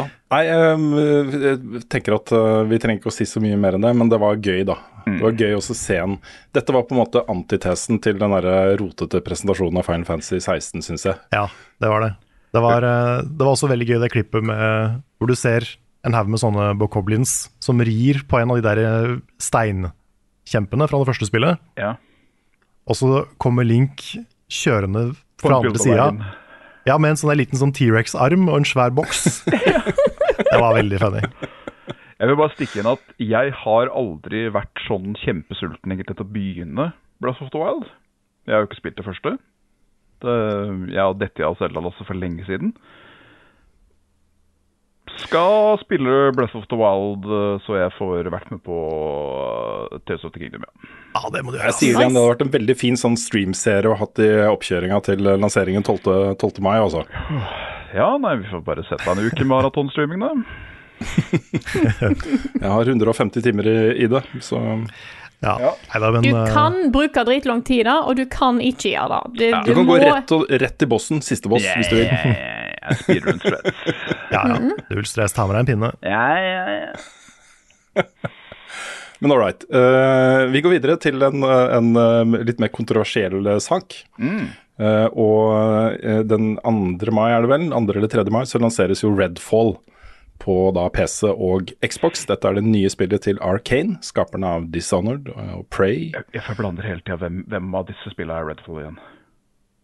Det er eh, en liten søvnig uh, østkystby i USA hvor det foregår mystiske eksperimenter på et laboratorie. hvor de da forsker på, på vampyrisme. Vampyrer. Den, ja. Og så går det Stemmer. galt, ikke sant. Det er den med the, the crazy teens som slåss mot vampyrer. Ja. Uh, men kontroversen er jo da at de har nå gått ut og sagt at til lansering så vil da kun 30 FPS være tilgjengelig på både Series S og X og PC og Um, og, og sånt. Jeg tror på PC også, jeg er ikke helt sikker. Men uh, jeg tror det er kun da tilgjengelig 30 FPS i starten. Um, eh, så vil da 60 FPS komme uh, som en patch senere. Er ikke det veldig rart? Ja, så hvis alltid vi Altså eh, Jeg skal være litt forsiktig her også, fordi eh, jeg har jo spilt Breath of the Wild i 30 FPS. Jeg har spilt andre spill i 30 FPS, og det har gått helt fint. Jo, jo. Jeg spilte første Spiderman i 30 FPS i starten. Ja, det er sant. Um, altså det var jo 60 FPS også, men da ville jeg gjerne ha den der økt, økt eh, grafikk, bedre, forbedra graf grafikken. Da gjorde jeg et bevisst valg på det.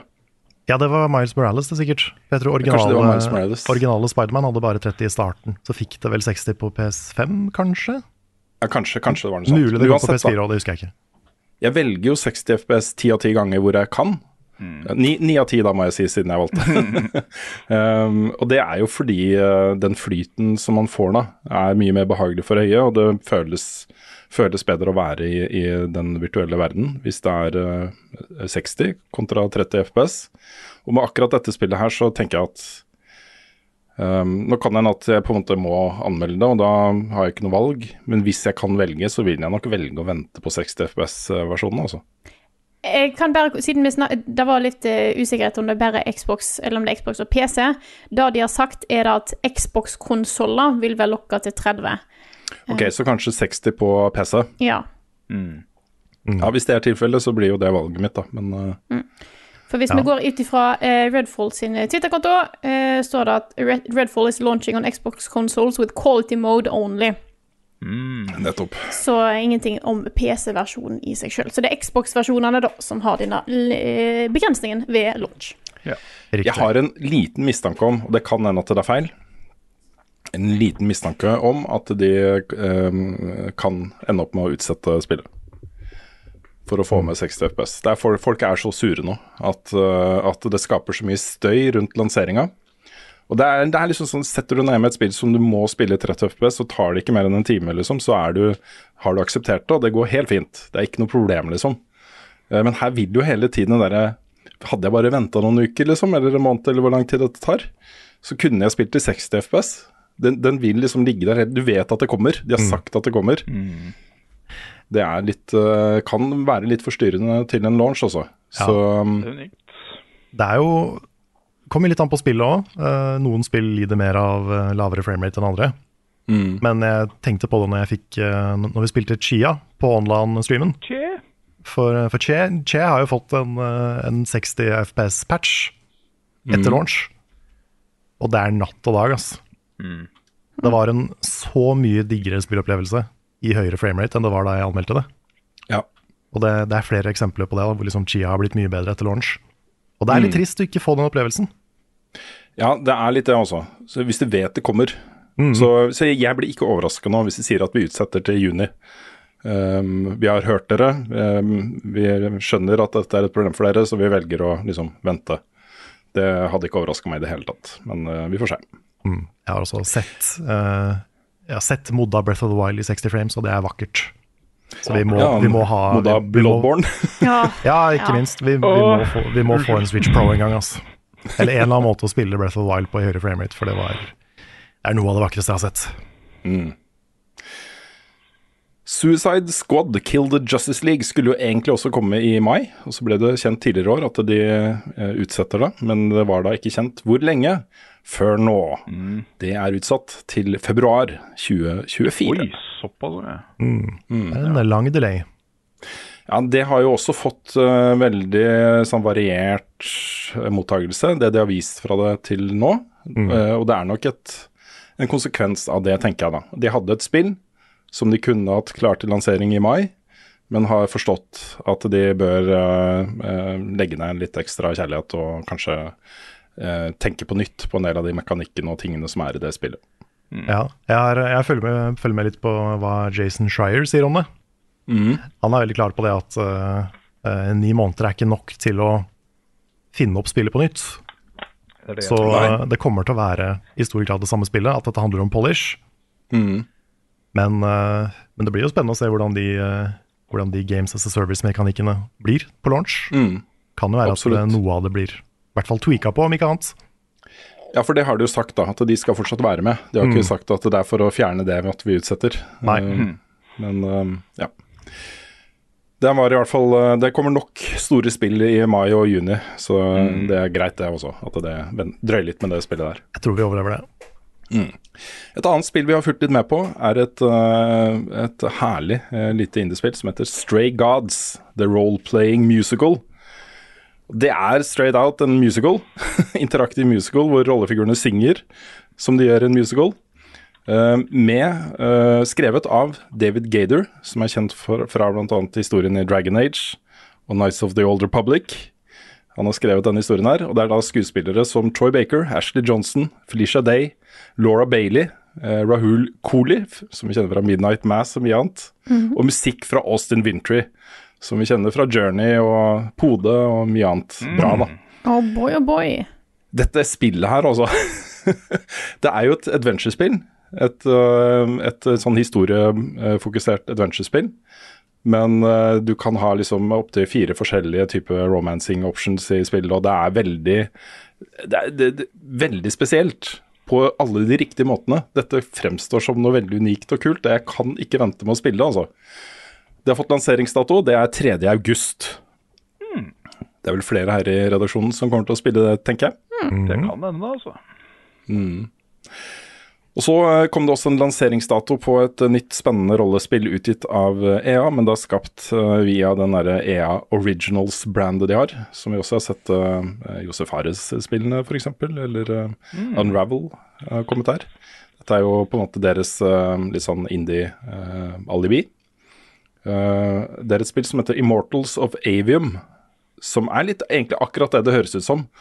Det er eh, et fantasyspill, eh, men da i motsetning til mange andre fantasy-rollespill, så er dette et FPS. Et eh, førstepersons eh, action-fantasy-spill med både powers, altså magiske powers, men også mer sånn skyte, eh, skytevåpenlignende greier, da. Dette er skapt av uh, folk som har liksom jobba med uh, tror det var Dead Space og litt forskjellige andre greier. Så store navn da, fra, uh, fra spillindustrien som har lagd et nytt selskap som lager en ny Mm. helt ny greie. Kommer alle de som skal herme etter Forspoken, vet du. Ja. ja det, det, ser Det kan jeg jo si, da. Det ble sluppet en, en, en trailer i forbindelse med da lanseringsdatoen, som er nyheten. Mm. 20.07. Uh, og det så veldig bra ut. Mm. Det, det, var en utrolig frisk og fin eh, trailer. Dette er det spillet jeg gleder meg til å sjekke ut når det kommer da til sommeren. Hva er dines best, hvordan fredag sist har Carl egentlig sopp? Ukens spørsmål.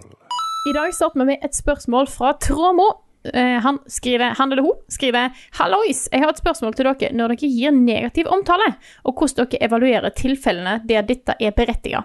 Da tenker jeg f.eks. på trakasserende toppsjefer hos en spillutvikler, eller transfobiske fantasyforfattere, og kanskje andre ting som ikke er like svart-hvitt. Hvor mye tid bruker dere på å sette dere inn i situasjonene, høre argumenter fra begge sider, følge Vær varsom-plakaten osv.? I disse dager er det jo fort gjort å hoppe på kanselleringsbølga, men jeg må si jeg syns at det er flott at dere ikke bare er kommersialiserte ja-mennesker, og det gjør det veldig autentisk at dere tar opp alle tema.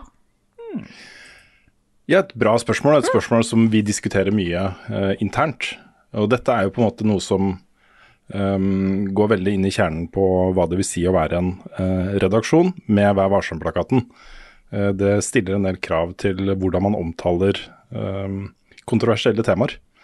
Um, nå skal det jo sies at vi nok også Et av eh, de journalistiske prinsippene er jo objektivitet uh, i mange tilfeller. Hvis du skriver en nyhetsartikkel, så skal den liksom være objektiv. Uh, og vi er jo ikke der. Vi er jo mennesker, og vi er personer, og vi har våre personlige meninger og, og sånne ting. Så, så det, det er på en måte også, journalistikk, da. Uh, og da blir det mer på en måte Vi skal ikke sitte og lyve. Vi skal ikke komme med usannheter, vi skal presentere på en måte fakta i saken eh, og ha meninger om de faktaene. er vel på en måte vårt utgangspunkt. da. Ja, vi er jo en veldig personstyrt redaksjon med veldig Absolutt. personlig type stoff. Ja. Men rent konkret da, så betyr jo det, eh, og de eksemplene som, eh, som Tråmo nevner her, er veldig gode. F.eks. da den Activision Blizzard-saken begynte å rulle, så var det jo hele tiden ikke sant, eh, eh, rapporter, påstander, uttalelser fra både anonyme og offentlige personer eh, om hva som hadde skjedd. Altså deres opplevelse av hva som hadde skjedd i Activision Blizzard. Og så kom det jo også med gjennom mellomrom offisielle uttalelser fra Activision Blizzard, hvor de svarte på eh, beskyldningene. Eh, og i de tilfellene så rapporterte vi alltid de også. Også vi, vi var nøye på å, eh, å gi på en måte Activision Blizzard det motsvaret, det det kalles motsvar. At Hvis det er to parter i en sak, så skal begge parter få muligheten til å uttale seg. Eh, og det, det er et viktig prinsipp. Uh, I det tilfellet med da stemmeskuespilleren til Bajonetta begynte å gå, så var vi kanskje litt tidlig på ballen med å være veldig uh, kritiske til, til hvordan hun hadde blitt behandlet. Så kom det ny informasjon, og så tok vi med den også. Så, så vi er opptatt av å presentere på en måte fakta i en sak, og så mene noe om det. Det er vårt utgangspunkt. da. Og det er et viktig prinsipp. Det er et um, Det er ikke alltid um, Det er ikke alltid uh, Folk lyver. Også, det er ikke alltid man snakker sant. Det er ikke alltid man kommer med hele bildet. Det er ikke alltid all informasjon er tilgjengelig. Uh, men det er ganske ofte, da, føler jeg, at med den informasjonen som er tilgjengelig, så er det ganske lett for meg personlig å ta et standpunkt Mm. til hva jeg tror på og hva hva jeg mener er viktig å, å fokusere på. da. I agree. Men det er, jo, det er jo mange av disse konfliktene som har vært veldig messy og rare også. Sånn som eh, Mm. alt det som skjer rundt Disko Elysium, har jeg fortsatt ikke helt skjønt hva det var som skjedde der. Ja. Så det er, det er jo mange, mange saker som også er vanskelig å kommentere og mene noe om, når man ikke Mm. klarer å finne et, et bilde, liksom. Ja. Men spørsmålet var jo også hvor godt vi setter oss inn i sakene. Mm. Det vil jeg si at det bruker jeg veldig mye tid på. Ja. Um, der um, prøver jeg å gå gjennom det som er tilgjengelig av informasjon uh, fra alle sider. Um, og um, det, det kan være litt sånn utmattende i noen av disse sakene, for det er mye av dette her som er ganske stygt, da, eller Mm. ganske vondt. Uh, men det er samtidig veldig viktig da, at man uh, setter seg godt inn i, uh, godt inn i saker. Det har vel vært et tidspunkt der vi har diskutert i forkant eh, Denne saken her, kan vi nok om den til å snakke om den? Mm. Eh, og da er ikke alltid da eh, Av og til er det ja, av og til er det nei. Det er helt riktig, Frida. Det er sant. Dette, dette er bare sånn halvapropos, men jeg, jeg nevner det likevel, jeg. Uh, jeg er jo, som sikkert flere her òg, bare sånn konseptuelt, hvis det er et ord, uh, har vært veldig nysgjerrig på det der Atomic Heart. Mm. Uh, jeg prøvde å følge det så godt jeg kan, og var liksom ikke tenkte Nei vel. Men uh, så er det jo selvfølgelig noen som har lagt ut long plays av dette på YouTube. Og jeg kom meg 30 minutter inn i, og så gadd jeg ikke mer. Mm. Det er fire minutter gameplay, uh, godt over en halvtime. Mm. Jeg kjeda meg så mye. Så jeg, nå er jeg ikke så lei meg for at jeg ikke har eh, tenkt å gi det en sjanse allikevel. Ja, Dette diskuterte vi jo for en del episoder tilbake også. Det. det? Uh, dette var jo et, um, et spill vi hadde sett fram til, og som så veldig spennende ut. Mm. Uh, men hvor det kom jo da selvfølgelig mange uh, momenter som vi måtte diskutere der. eh, kontra hvor spillet kom fra, og kriger i virkelig verden og sånne ting. og så var jo vi, vi la på en måte diskusjonen litt fra oss fordi eh, ut fra det vi hadde sett, så var ikke dette et spill som vi måtte få med oss. Nei. Det var ikke et spill som jeg følte i hvert fall personlig at kom til å komme i nærheten av min topp 10-liste for 2023. Nei. Eller noe vi hadde vurdert som Game of the Year.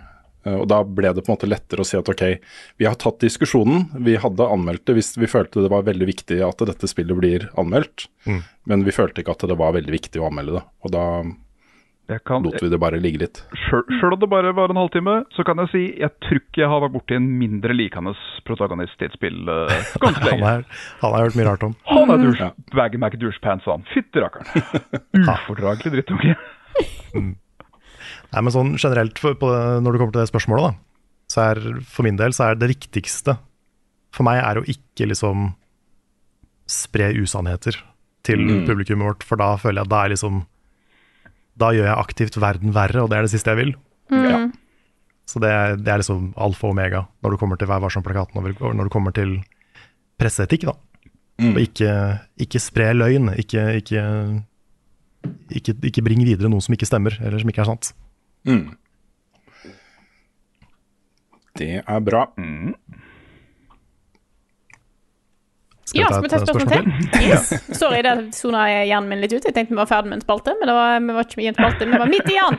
Uh, uh, ja, jeg kan ta et eh, spørsmål her. Kjør på. Eh, nå har det vært mye snakk om E3, og eh, vi har fått spørsmål her fra Fridtjof Nikolai Wilborn. Jeg tar det opp fordi det er mange som har spurt om det samme litt rundt omkring. Har jeg sett? Som spør Nå som E3 er død, og vi ser mer spredte annonseringer av showcases rundt samme tid, pluss at vi har Summer Games Fest, som forandrer litt form år for år, er det noen sjanse for en sånn kosekveld, eh, kosekveldsstemning som vi har hatt før, med hele gjengen i sofaen og pennelek og greier og greier? Jeg er litt usikker på hvordan de events som er annonsert så langt, faller seg, men håper virkelig på noen fine dager med gjengen på stream, sånn som før. Vi Ta har gjerne lyst- sofastream også på, Ja. på dette her. Vi har jo veldig lyst til det. Nå blir det jo i hvert fall tre-fire dager i sommer hvor det er litt tett. Det er vel tre-fire konferanser i hvert fall. Ja. Det blir jo ikke det samme liksom, kjøret som det har vært, med hvor, hvor det kommer én pressekonferanse etter den andre, og så sitter vi klare og har bare tatt litt mat imellom, liksom. Det blir litt vanskelig fordi det er så mye mer spredt. Men, men det er jo en fin anledning til å samle folk uansett. Mm. Og det er alltid hyggelig, så det, jeg håper jo ikke vi mister det. Jeg håper det blir mulig å få meg inn via, via internettet. Mm. Ja, for det, det er jo litt utfordringen, da. Hvis noen ikke er til stede liksom, i rommet, så er det så lett at de personene som ikke er faktisk til stede i rommet, at de blir liksom ikke ignorert, men at de ikke Så da kan det i no, noen sånne tilfeller være bedre å bare ta det uh, via Discord, da. Sånn at alle stiller likt, liksom. Det er bare Summer Game Fest da er, er relevant for meg, da. De andre kan ikke jeg være med på, dessverre. Nettopp. Ja, det er jo kanskje eh, beslutningen litt enklere. Mm. Mm. Nei, men vi, er ikke- vi sk Jeg får jo bare med meg Summer Game Fest da, den 8. juni, og det er fordi at 9. juni får jeg beskjed om hva jeg skal ha forelesning om på disputasen min, og deretter må jeg bare jobbe. Ja. Ja.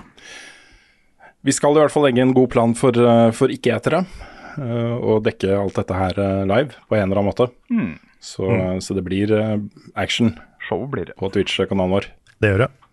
Og det blir Det er jo et annet spørsmål ja, Ja. Det gjør jeg helt sikkert. Det gjør det.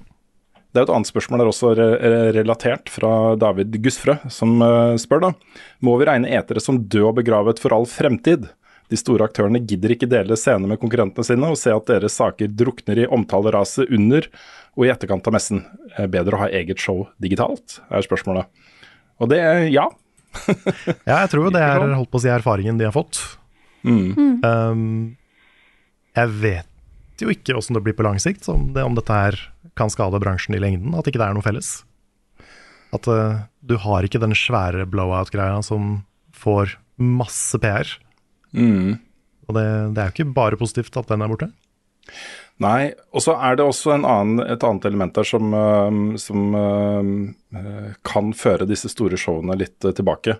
Eh, Og Det er det samme vi har sett med musikk, hvor når, når musikk er heldigitalt, så, så øhm, øh, blir det flere konserter og flere live-events og flere fysiske greier liksom, som, som skjer. da, Eh, Sånn at man kan liksom kompensere for at man bare får noen øre fra Spotify.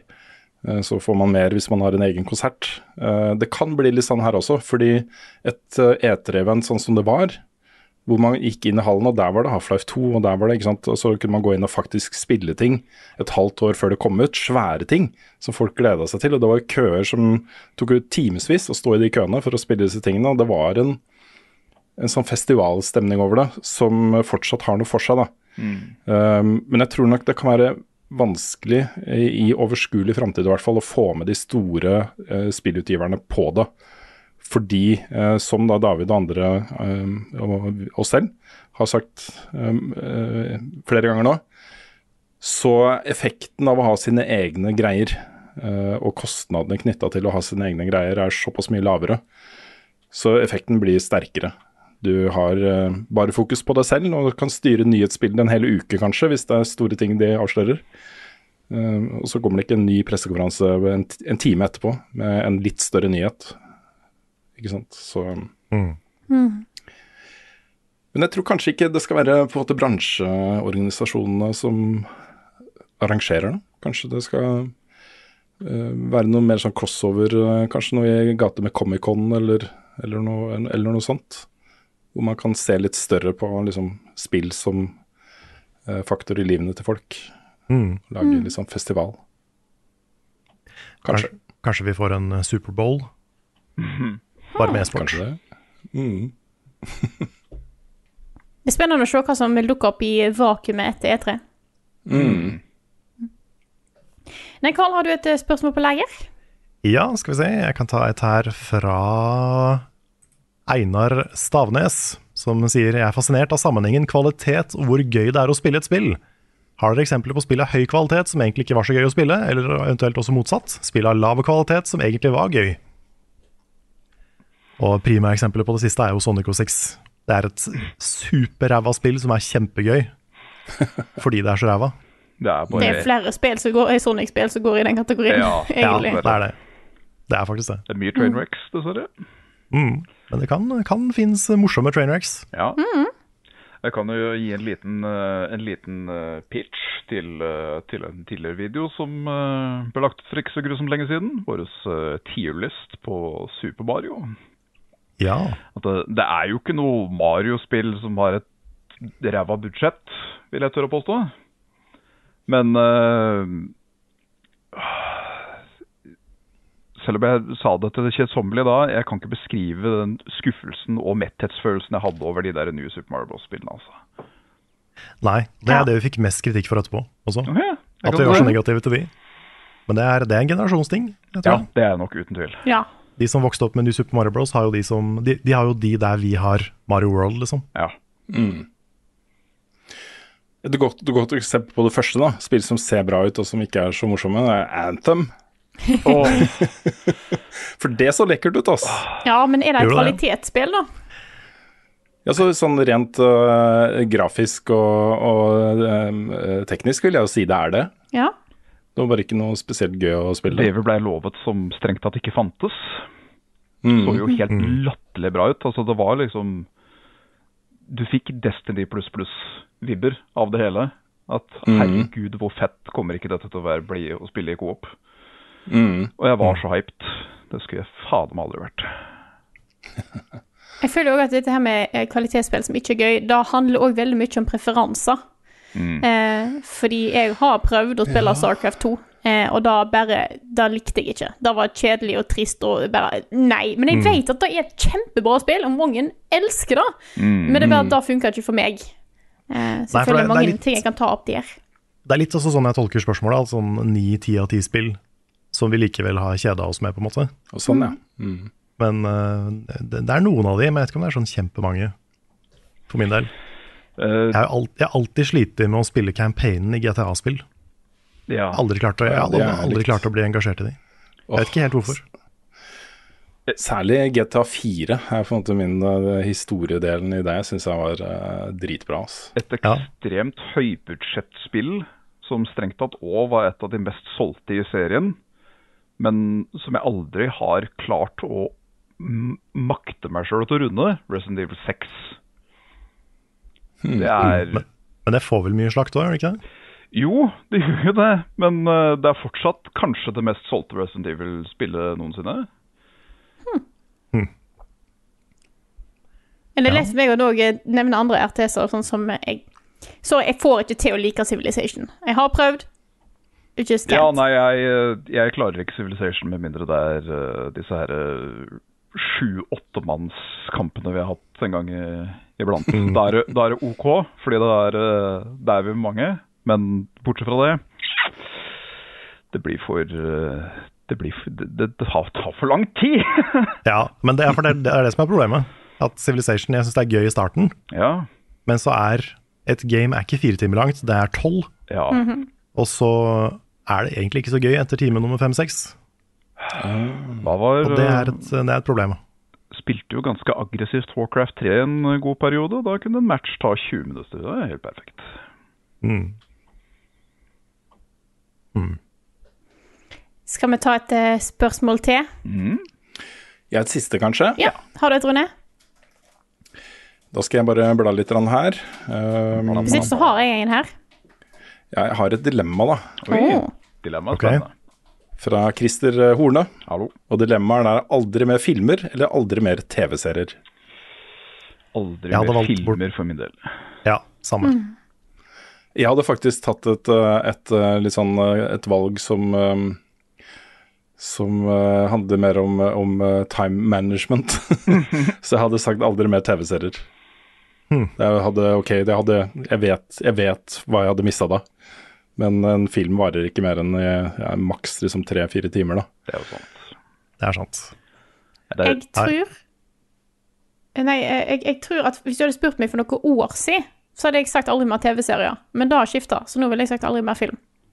det er, det er mye latterlig bra filmer fra liksom jeg var liten til nå, som jeg har sett. Alt fra 'Førsteløvenes konge' til uh, uh, 'Interstellar'. Men jeg har mista tellinga på lange, lange, lange prater til sånn ut på ett, to, til og med tre-tida på natta med Nick, der hvor jeg og han har bare geeka ut over serier, og ikke bare anime. Uh, så jeg tror serier rett og slett er viktigere for meg.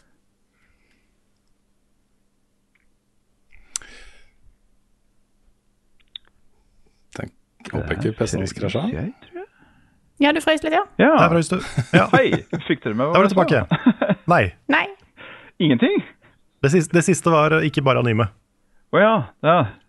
Uh, ja, nei, så um, Selv om det er Vi satt så stille også, så jeg var, var stressa på har, er det min PC som har krasja. Vi satt bare helt stille, Jeg så det på alle dere òg. Det var sånn Alle var sånn perfectly freezed på øya igjen. Um, nei, så det, det er mye minnerike filmer, men uh, jeg kan bare lett dra opp en ryggsekk med serier som jeg har sett, som liksom har forandra sjøl livet. Ja. Ja, For mine så blir det, det Noe av det beste jeg vet i livet, det er å sitte i en kinosal med et stort lerret og det lydanlegget de har der, og, og se en film jeg fuckings elsker. Det er liksom Den følelsen er så sterk og så kul da, at uh, det ville jeg ikke gitt bort for noen ting, tror jeg. Nei. Jeg er litt rar på film, fordi terskelen for å sette på en film er så mye høyere for meg enn å sette på en TV-serie. Selv om TV-serier er mye lenger. Samme her. Så det gir ikke mening, men jeg bare er sånn. For jeg merker at det er lettere for meg å sette på en episode av en, av en serie. For da vet jeg ok, historien her er langtgående. Ja, jeg vet en egentlig burde se en episode fra start til slutt. Men det er lettere for meg å stoppe midt i en TV-serieepisode enn det er for meg å stoppe midt i en film. Eh, så da er kanskje den biten av time management for meg, faktisk, at det er, det er mindre terskel for at jeg kan sette meg med dette her. Og hvis noe skjer, så kan jeg stoppe. Jeg skal vel faktisk ærlig innrømme at jeg tror jeg har vært på kino seks eller sju ganger i løpet av mitt liv. Oi, Oi, det er ikke mange. Ja, det er ikke mange, nei. Nei, jeg har jo eh, I perioden før jeg fikk barn og sånn, så var jeg mye på kino midt på dagen. Jeg så liksom alt som kom av de kvalitetsfilmene. Jeg Gikk mye alene på kino og satt der og koste meg med popkorn.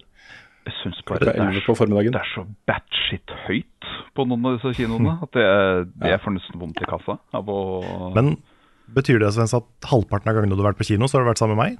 Eh, Ja. Jeg får har vært på kino. med- litt. Jeg har de, og så så jeg Endgame. Mm, Og så har jeg sett uh, alle prequel-filmene av Star Wars. ja. Så har jeg sett Nei, vent litt, nå, nå, nå, nå tuller jeg. For jeg har sett uh, begge Hobbiten-filmene. Begge, sier jeg. Det er tre? Ja, det er tre. Ja, altså to av de. St uh, Transformers, en horrorfilm. Løvenes konge. Ja, ok, greit, da. La, la, oss si, la oss si nærmere 20, da. Men fortsatt sikkert et veldig lavt tall kontra Rune. Det er et veldig lavt tall. ja, det er et lavt tall. Det er det. Første kinofilmen jeg så, var liksom den gamle Tars sort-hvitt Tarzan-filmene med Johnny Weissmuller. Wow. mm. var det første jeg så på kino. Ja, Vi snakker 70-tallet, liksom. Oi, ikke verst. Ja. Min første var 'Lønnes konge. Jeg er usikker på hva som var min første, men en av de første jeg kan huske, tror jeg er Pokémon-filmen. Ja, den også er jeg på kino. Det må ha vært mind-blowing å se den som første film. Jeg tror, Det var nok ikke første film, men den første jeg kan huske. Men det er fordi at jeg vet ikke helt hva Jeg har nok sett mye mer før da, fordi at eh, vi dro en del på kino. Men det er på en måte den Hvis jeg skal si en som jeg vet jeg så mens jeg var liten, da jeg var liten, så var, er det Pokémon-filmen. Det er nok en grunn til at du husker den. Og selvfølgelig første Ringenes herre-filmen på kino. Mm. Ja. Det er nok den beste filmopplevelsen jeg har hatt på kino. Jeg lurer litt på det samme selv. Nja, det var noe litt magisk med Endgame. Fordi øh, når tutescenene kommer, så hører du jo at samtlige som er på kinoen, dør sånn.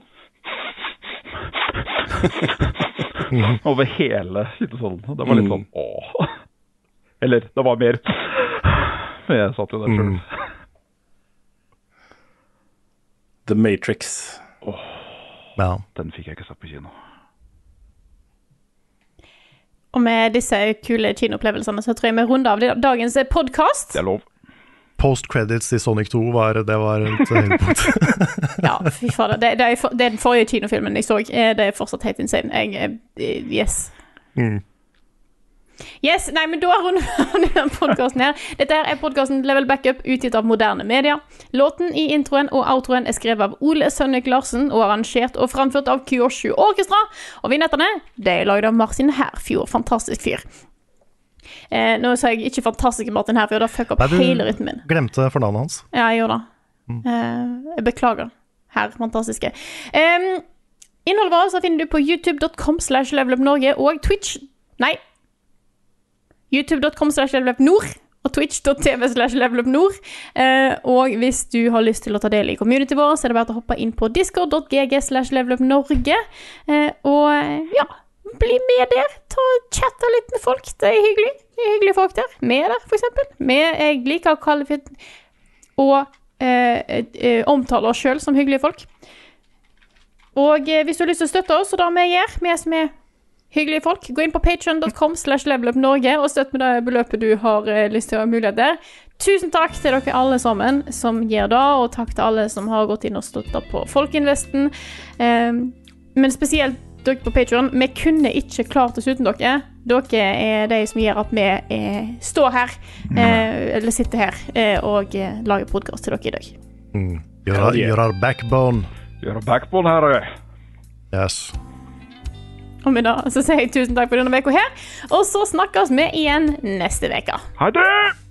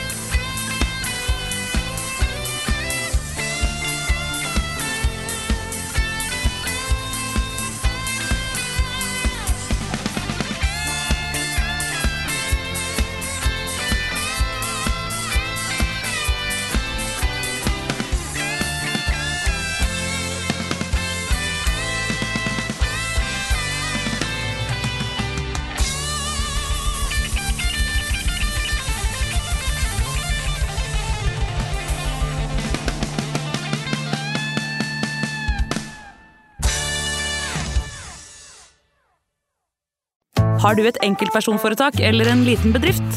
Da er du sikkert lei av å høre meg snakke om hvor enkelt det er med kvitteringer og bilag i fiken, så vi eh, gir oss her, vi. Fordi vi liker enkelt. Fiken superenkelt regnskap.